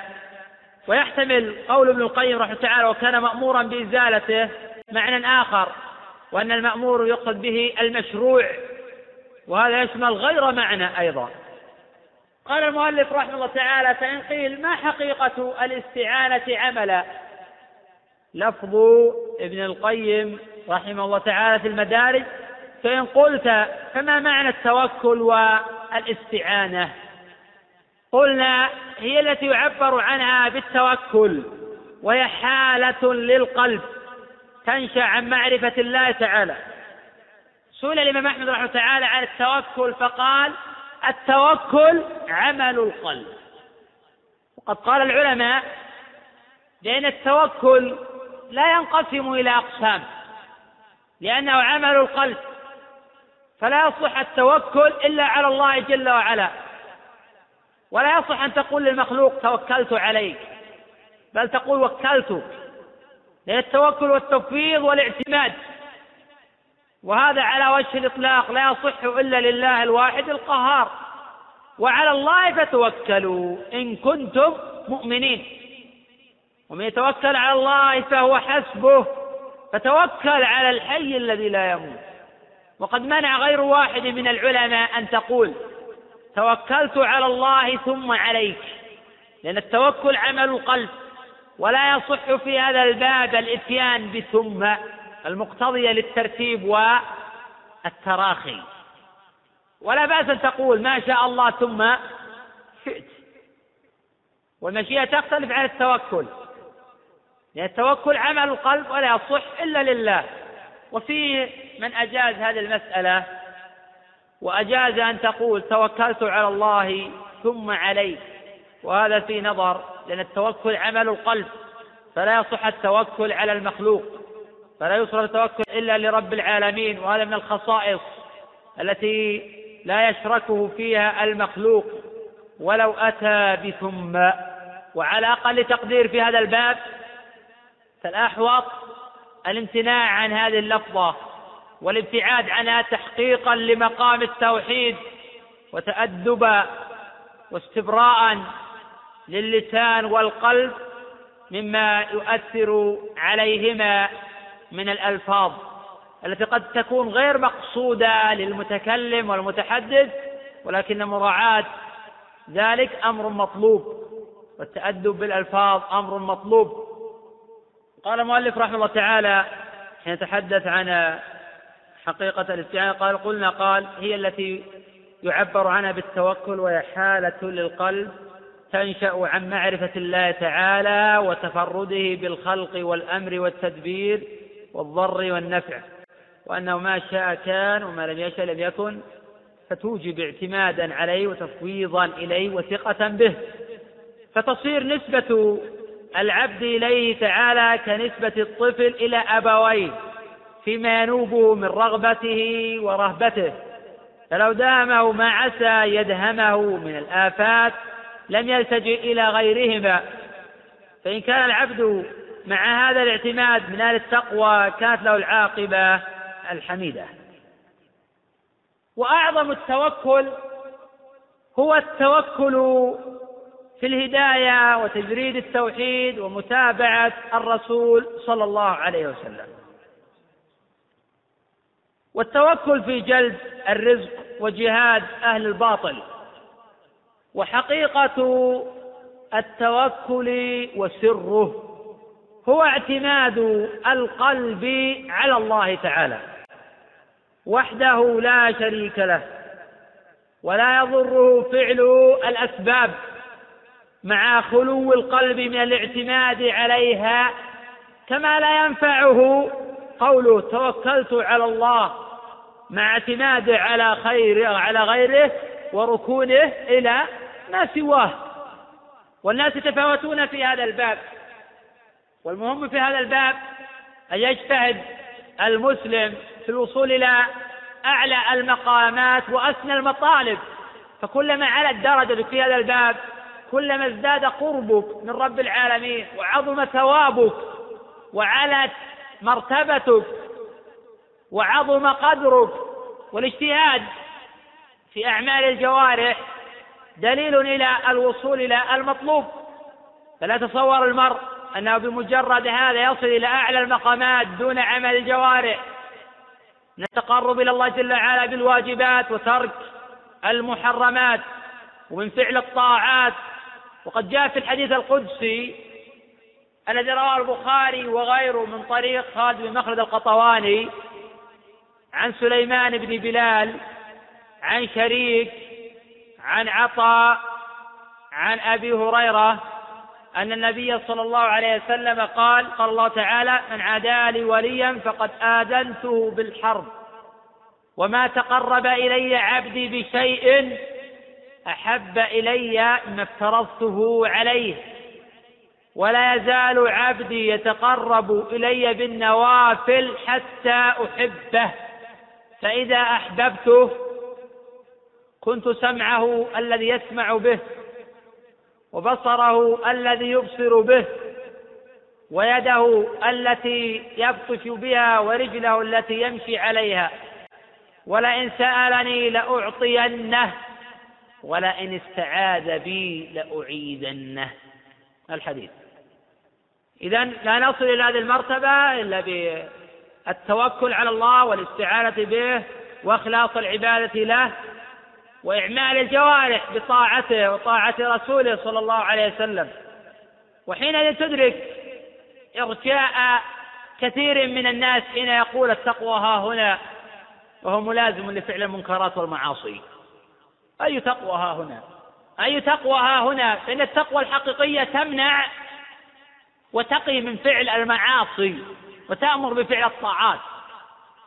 حين قال بعض العلماء المتأخرين إن الناس كثير فيهم رجال استدرك عليه آخرون وقالوا هذا ليس بصحيح لأن يرجى فرقة كسائر الفرق آه، بالنسبة لأهل السنة أقل كذا في الأشاعرة وغير هذا في نظر. صواب الكلام الأول هو الصواب. لأن الإرجاء موجود حتى عند كثير من العامة. فحين يلازمون المعاصي ويدعون بعض الطاعات ويقول التقوى ها هنا كانهم يشيرون إلى أن الإيمان هو مجرد اعتقاد وهذا غلط. وعلى أقل تقدير يكون الغلط لفظيا وهذا يعتبر إرجاء لفظيا. وعلى أقل تقدير نجعل بمنزلة إرجاء الفقهاء. إذا في العامة شيء من الإرجاء على هذا الاعتبار. وأمر آخر حين يفعل المعاصي ويحتج بالتقوى بأن في القلب هذا مذهب المرجئة. الذي يقول لا يضر مع الإيمان ذنب. كأنه يقول لا يضر هذا العمل ولا يضر تضر هذا المعصية. لأن التقوى ها هنا. ما دام في تقوى ها هنا فإن هذا الذنب لا يضر. طيب أي تقوى ها هنا؟ أي تقوى ها هنا؟ فإن حقيقة التقوى أن تفعل المأمور وتجتنب المحظور. أن تعمل بطاعة الله على نور من الله ترجو ثواب الله؟ وأن تترك معصية الله على نور من الله تخشى عقاب الله. هذه حقيقة التقوى. ومنه نعرف أن كثير من العامة فيهم إرجاء وهذا الإرجاء في عصرنا موجود في كثير من المحسوبين على العلم محسوبين على التصنيف محسوبين على الأمة الإسلامية وفي من محسوب على السلف. وهم يعرفون الإيمان بأنه قول وعمل قول القلب واللسان وعمل القلب واللسان والجوارح ويقعون في الإرجاء. حيث يقول أن مجرد الفعل لا يكفر به الإنسان فلو ألقى مصحف القدرات لا يكفر مجرد الفعل لأن هذا دلالة على التكذيب. أو على الجحد أو على الاستحلال. حين يعبد الصنم لا يكفر يقولون. من عبد صنما أو سجد لغير الله أو حكم بغير شرع الله وأبطل شرع الله ونحاه واعترض عنه بالقوانين العضوية لا يكفر حتى يستحل. سبحان الله. لو استحل لكفر ولو لم يفعل. فمجرد الفعل كفر. وهذا ضرب من الأرجاء. يقول إن الفعل ليس هو مجرد الكفر لأنه دلالة على كذا ودلالة على كذا ودلالة على كذا. الله جل وعلا قال قل أبي الله وآياته ورسوله كنتم تستهزئون لا تعتذروا قد كفرتم؟ مجرد القول هو الكفر ومناط الكفر هو القول. ولقد قالوا كلمة الكفر وكفروا بعد إسلامهم. مجرد القول هو الكفر ومناط الكفر هو القول. دون ربط بالاستحلال أو بالجحد أو بعقيدة القلب أو بغير ذلك. صحيح أن هذه الأفعال دالة على فساد القلب وملازمة له لكن ليست هي مناط التكسير والقلوب لعلام القلوب الغيوب. فمجرد القول ومجرد الفعل هو الكفر. فحين يأتي من يعرف الإمام بالتعريف السابق وتعريف أهل السنة ويقول إذا عبد صنما وقصص بالقدورات لا يكفر إلا لأن هذا دليل على كذا ودليل على كذا هذا يرجع وحين يقول بأنه لا يكفر تارك العمل مطلقة هذا إرجاء آخر. وهم يقولون هذا بكثرة. وحين يقولون لا يكفر أحد بأعمال الجوارح هذا إرجاء أيضا. بل هذا مذهب غلاة المرجئة. هذا مذهب الجهمية. فإنهم يقولون لا يكفر أحد بعمل حتى يجحد أو يستحل. والحديث عن هذه القضية يطول ذكره تابع كلام المؤلف ونشرح ما تبقى من بعض المعاني. استدل المؤلف رحمه الله تعالى على قوله بقوله تعالى ومن يتق الله يجعل له مخرجا ويرزقه من حيث لا يحتسب ومن يتوكل على الله فهو حسبه. قوله تعالى ومن يتق الله تقوى فعل المأمور واجتناب المحبوب. ومن يتقي فعل الشر يجعل له مخرجا قال ابن عباس ينجيه من كل كرب في الدنيا والآخرة. ولكن لا يتأتى جواب الشرط إلا بتأتي فعل الشرط. فإذا وجدت التقوى جعل الله له من كل هم فرجا. وإذا لم توجد التقوى أو ضعف أثرها فإنه يتخلف الجواب أو يتخلف شيء من أو يضعف أثره. قوله ويرزقه من حيث لا يحتسب. ويرزقه عطف على يجعل. هذا جواب الشرط وهذا لا يتحقق إلا بتحقق فعل الشرط. وقوله من حيث لا يحتسب أي من حيث لا يرجو ولا يأمل. وقيل من حيث لا يدري والمعنى قريب مما قبله. فالرزق من عند الله. في السماء رزقكم وما توعدون. إن الله هو الرزاق ذو القوة المتين. فلا تبحث عن الرزق عند المخلوقين. إذا انقطعت أطماع عبد عن الورى تعلق بالرب الكريم رجاؤه فأصبح حرا عزة وقناعة على وجهه أنواره وضياؤه. وإن علقت بالخلق أطماع نفسه تباعد ما يرجو وطال عناؤه. فلا ترجو إلا الله في الخطب وحده ولو صح في خل الصفاء صفاؤه. وقوله تعالى ومن يتوكل على الله فهو حسبه أي كافيه. قال المؤلف رحمه الله تعالى القسم الرابع وهذا هو القسم الأخير من الأقسام التي أشار إليها المؤلف بقوله واعلم أن الناس في عبادة الله تعالى والاستعانة به على أربعة أقسام. هذا القسم هو في من له استعانة بلا عبادة. وقد تقدم أن العبادة المطلقة تتضمن الاستعانة من غير عكس. وأن الاستعانة جزء من العبادة من غير عكس. والاستعانة تكون من المخلص ومن غير المخلص. صاحب الشهوات قد يستعين به على ذلك وهذا لا يقربه من الله. وحقيقة الاستعانة أن تستعين بالله ثقة به واعتمادا عليه. وقد قال النبي صلى الله عليه وسلم إذا استعنت فاستعن بالله. رواه الترمذي وغيره حديث ابن عباس وإسناده صحيح. قال المؤلف رحمه الله تعالى في من له استعانة بلا عبادة. وتلك حالة من شاهد تفرد الله بالضر والنفع. ولم يدري ما يحبه ويرضاه. ويحتمل قراءة هذه الكلمة ولم يدر.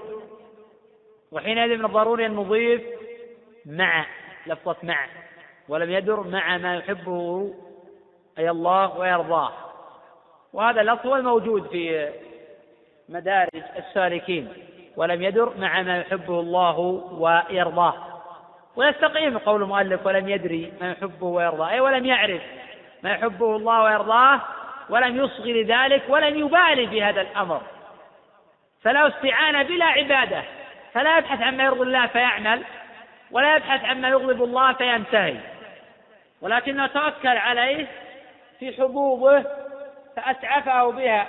لأن الله جل وعلا أعطاه ذلك بسبب استعانته. كما تقدم كلا نمد هؤلاء وهؤلاء من عطاء ربك. وما كان عطاء ربك محظورا أي ممنوعا. ولا تقول هذه الأمور لا تستلزم الإسلام. كون يشهد تفرد الله بالضر والنفع. هذه الأمور لا تستلزم الإسلام ولا تستلزم محبة الله ولا رضاه. من ضروري يحقق مقام العبودية من إفراده بالعبادة والعمل بمقتضى ذلك. فلو أقر لله بأنه النافع الضار وأنه مستحق للعبادة ولم يعمل لم يكن مسلما. فلو عبد الصنم وقال أنا أعرف أن عبادة الأصنام شرك وأعرف أن هذا لا يضر ولا ينفع ولكن لي حظ من حظوظ الدنيا عند الوزير الفلاني والملك الفلاني فنقول إن هذا لا يعفيه من كفره. كذلك الذي يحكم بغير شرع الله ويبطل شرع الله ويضع موضع ذلك القوانين الوضعية ويحكم بآراء اليهود والنصارى وبآراء العلمانيين ويرفض الحكم بشرع الله ويبطش بمن طالبه بذلك. فلا ينفع حينئذ يقول أنا أعتقد أن حكم الله أحسن من حكم الطاغوت. إذا كنت تعتقد أن حكم الله أحسن من حكم الطاغوت لماذا تحكم بغير شرع الله؟ كالذي يقول أنا أعتقد أن عبادة الأصنام باطل وهو يعبد الأصنام. لا فرق بين هذا وهذا. الله جل سمى هذا مشركا وسمى هذا مشركا فقال تعالى ولا يشرك في حكمه أحدا سماه الله جل وعلا مشركا.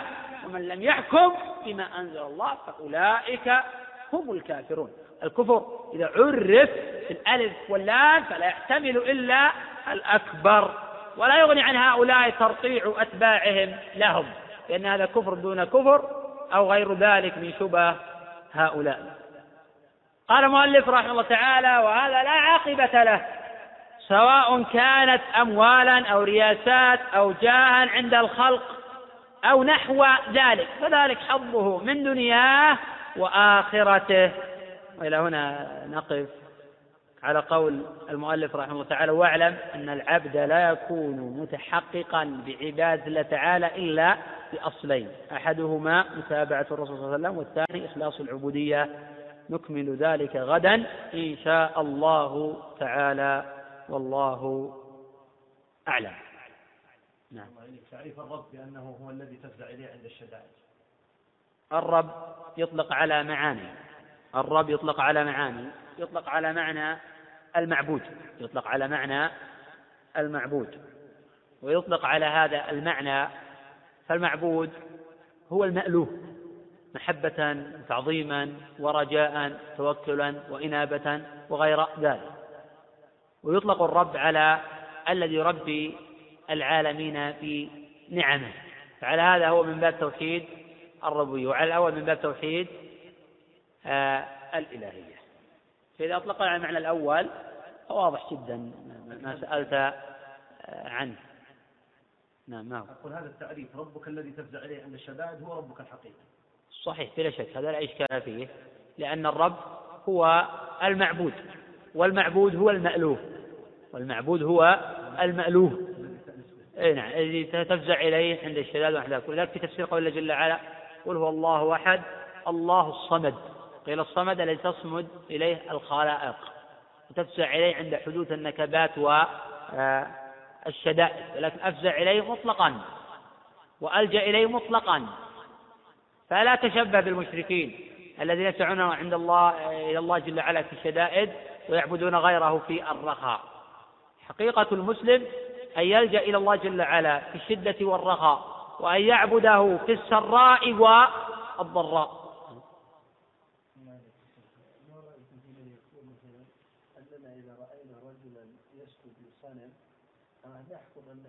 هذا الفعل كفر لكن لا نحكم على هذا الشخص بكفره حتى نسأله. هل هل هو سجد مستحلا أو مكرها أو غير ذلك؟ فإذا كان مستحلا حكمنا بكفره. أو كان مكرها فلم نحكم بكفره. هذه عوارض. والعوارض تختلف عن أصل القضية. الذي ينازع فيه أهل الإرجاء أنهم لا يكفرون بهذه القضية. قضية العذر بالجهل قضية الإكراه هذه مسائل أخرى. نحن نتحدث عن أصل القضية. وأهل الإرجاء ينازعون في أصل القضية ولا يعتبرون هذا كفرا حتى تدل القرينة من انتفاء التصديق أو الجحد أو الاستحلال أو غير ذلك. وهم ما ليست هي المسألة معهم قضية العذر بالجهل أو قضية آه، أنه مكره. لا نزاع بين المسلمين. أنا من أكره على الكفر فكفر أنه لا يكفر. نص القرآن.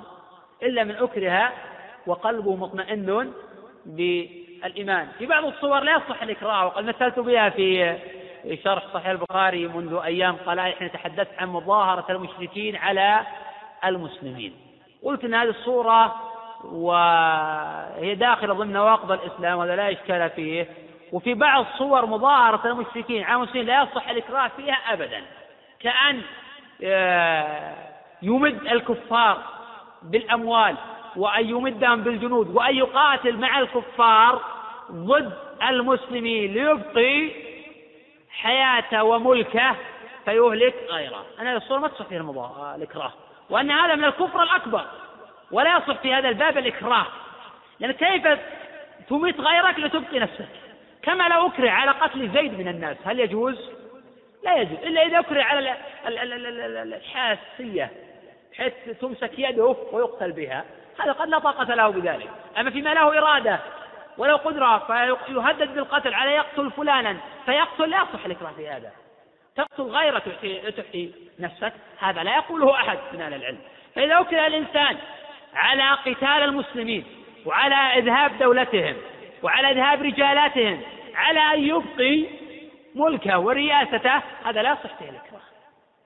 هذا لا يصح. إنما يصلح في حالة واحدة إذا كان الحاكم عادلا ومسلما ورأى أن المصلحة تقتضي إبقاء هذه الديار أعظم من إبقاء الديار الأخرى هذه ترجع للمصالح والمفاسد والذي يحددها ويقررها هم أهل العلم الراسخون المتجردون عن الضغوط السياسية والضغوط آه الاقتصادية والضغوط آه الحكومية والضغوط الوظيفية أيضا.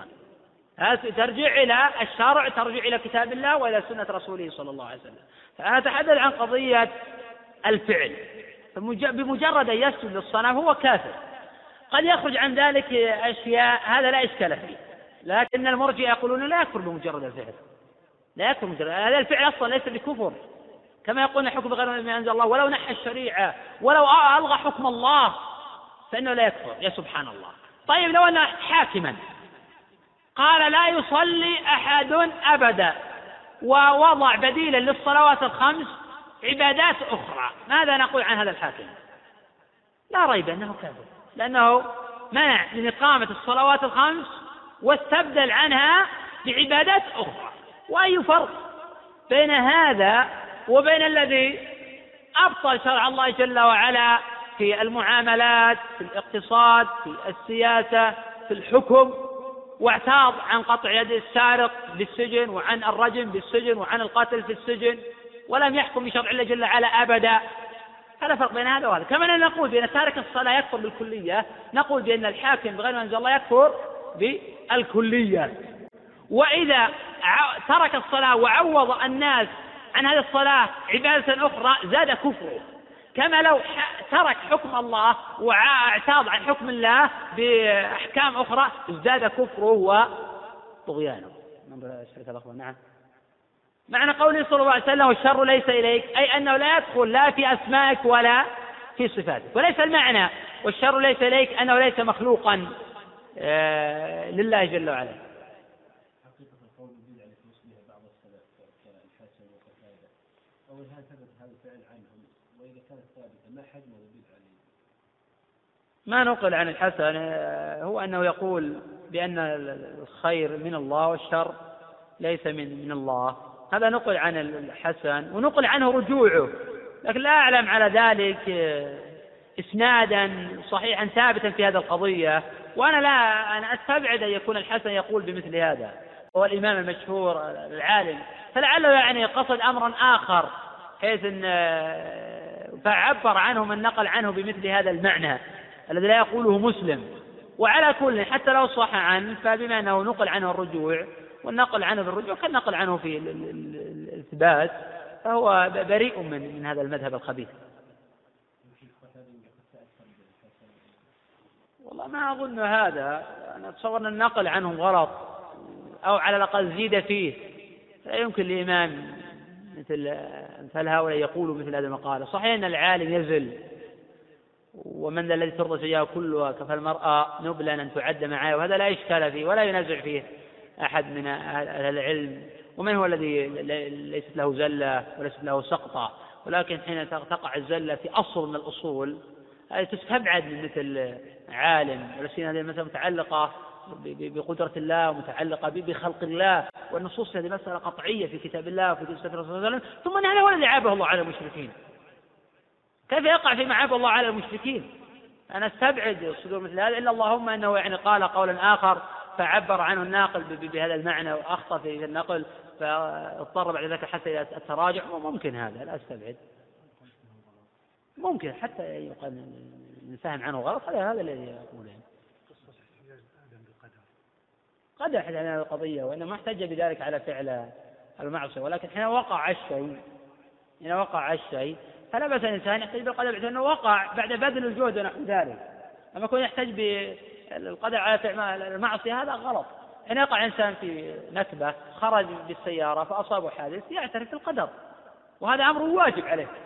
لكن حين يقع في المعصية لا يحتاج بفعل المعصية على القدر. لكن حين يقع يقول هذا قدر علي لا بأس به. صحيح أن هذا قدر عليه وهو يحاول دفع القدر بما أتاه الله جل وعلا من من العمل بمقتضى الشريعة وهذا هو الواجب في حقه. فآدم حين احتج بالقدر لم يحتج بالقدر على فعل معصية أنه فعل معصية لأن هذا قدر ويجعله مبررا لفعل معصية. هذا لا يقول أحد من أهل السنة. ولكن حين وقع في المعصية أخبر أن هذا قدره الله عليه. وأنه بذل جهده عنها فوقع في في المعصية. ولا فالاحتجاج بالقدر على المعاصي هذا مذهب كما تقدم مذهب باطل. عند مراد الله تفنى كميت وعند مراد النفس تسلي وتلحم وعند خلاف الأمر تحتج بالقضاء ظهيرا على الرحمن للجبر تزعم. نعم. أحسن الله تفصيل بعض أهل بعض أهل العلم في مسألة التعلق بالأسباب واستدلاله بقضية مريم أنها يعني مرت بثلاثة حالات. الله جل وعلا أعطاها بالأسباب وبدون الأسباب وبضد الأسباب. هذا التفصيل يعني ما أدري وش قولكم فيه. بدون الأسباب هذا لا إشكال فيه ان الاشياء قد تتاتى بدون أسباب كالرزق الذي ساقه إليك ونحو ذلك وقد يساق إليك رزق هدية بدون أن تبذل سببا واضحا لكن هذا له أسباب أخرى قد تكون من التوكل على الله جل وعلا من دعاء الله جل وعلا ونحو ذلك وهذا أمر واضح. الأمر الثاني قد يكون هذا من باب المعجزات من باب الكرامات. المعجزات للرسل والكرامات لمن دونهم كالأولياء والصالحين ونحو ذلك. وقلت هذا من باب الكرامة. ولا يعني هذا أن الإنسان يبتعد عن أسباب الأسباب يفعلها ضرورة بجوارحه ويكون التعلق على الله جل وعلا. فإن الرسل كلهم كما تقدم يفعلون الأسباب ويباشرون الأسباب وما كانوا يعتمدون على الأسباب. إبراهيم حين ألقي في النار حين انقطعت الأسباب وليس هناك سبب يمكن أن يفعله تعلق بالسبب الأكبر تعلق بسبب وهو التوكل. قال حسبنا الله ونعم الوكيل. فوض أمره إلى الله جل وعلا. تنصروا الله ينصركم ولا ينصرن الله من ينصره. إنا لننصر رسلنا والذين آمنوا. في الحياة الدنيا ويوم يقوم الأشهاد. فمن قام بنصر هذا الدين مع فعل الأسباب وانقطعت عنه بعد ذلك الأسباب تكالبت عليه قوة الطغيان واجتمعت عليه صناديد الكفر. ولم يكن هناك سبب يمكن أن يفعله. يكون سبب فانقطعت عنه الأسباب. فحينئذ يتعلق بالله أكثر. إذا انقطعت أقناع عبد عن الوراء تعلق بالرب الكريم رجاؤه. فما دامت الأسباب موجودة قد يقل توكله على الله. إذا انقطعت هذه الأسباب الحسية التي يعرفها البشر في دنيا الواقع كان تعلق بالله أعظم كما صنع إبراهيم. حسبنا الله ونعم الوكيل. حسبنا الله ونعم الوكيل. فلا ملجأ ولا منجأ من الله جل وعلا إلا إليه. فحينئذ نصره الله جل وعلا. قلنا يا نار كوني بردا وسلاما على إبراهيم. أما الأثر المشهور أن جبريل اعترض إلى إبراهيم وقال لك حاجة قال أما إليك فلا. فهذا الأثر لا أصل له ولا وجود له في دواوين أهل الإسلام ولا يصح احتجاج به ولا ذكره على الإطلاق. الثابت في البخاري من حديث ابن عباس أن إبراهيم قال حسبنا الله ونعم الوكيل. قال إبراهيم حين ألقي في النار وقال نبينا محمد صلى الله عليه وسلم حين قيل له إن الناس قد جمعوا لكم فاخشوهم فزادهم إيمانا وقالوا حسبنا الله ونعم الوكيل تعلق بالله مطلوب. فإذا انقطعت الأسباب كان التعلق أعظم وإذا قدر على فعل الأسباب فلا يحق له يدع الأسباب كان يريد أن يبارز بدون سيف وبدون رمح وبدون أي آلة قاتلة. وصاحبه بسيف يقول أفعل أتوكل على الله. نقول هذا غلط. لأن الصحابة الذين أقوى منك توكلا كانوا وقت المبارزة يأخذون السيوف. ويتقون بالدروع. هذا من فعل الأسباب. كشخص يقول توكل على الله يرزقني ولدا ولم يتزوج. نقول هذا ضرب من الجنون وهذا رجل مبرسم. كيف تبحث عن الولد بدون الزواج؟ نعم. يعني غير عاقل في شيء من الجنون. فضروري إذا أراد الولد أن يتزوج.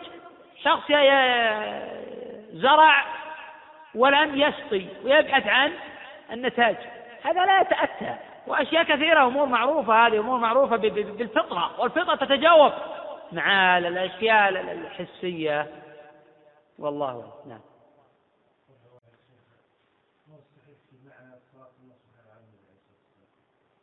والأصح ما قيل ثناؤه عليه في الملأ الأعلى الأصح ما قيل كما هو قوله أبي العالية وجماعة؟ وهذا اختيار البخاري. والله أعلم. يكفي هذا.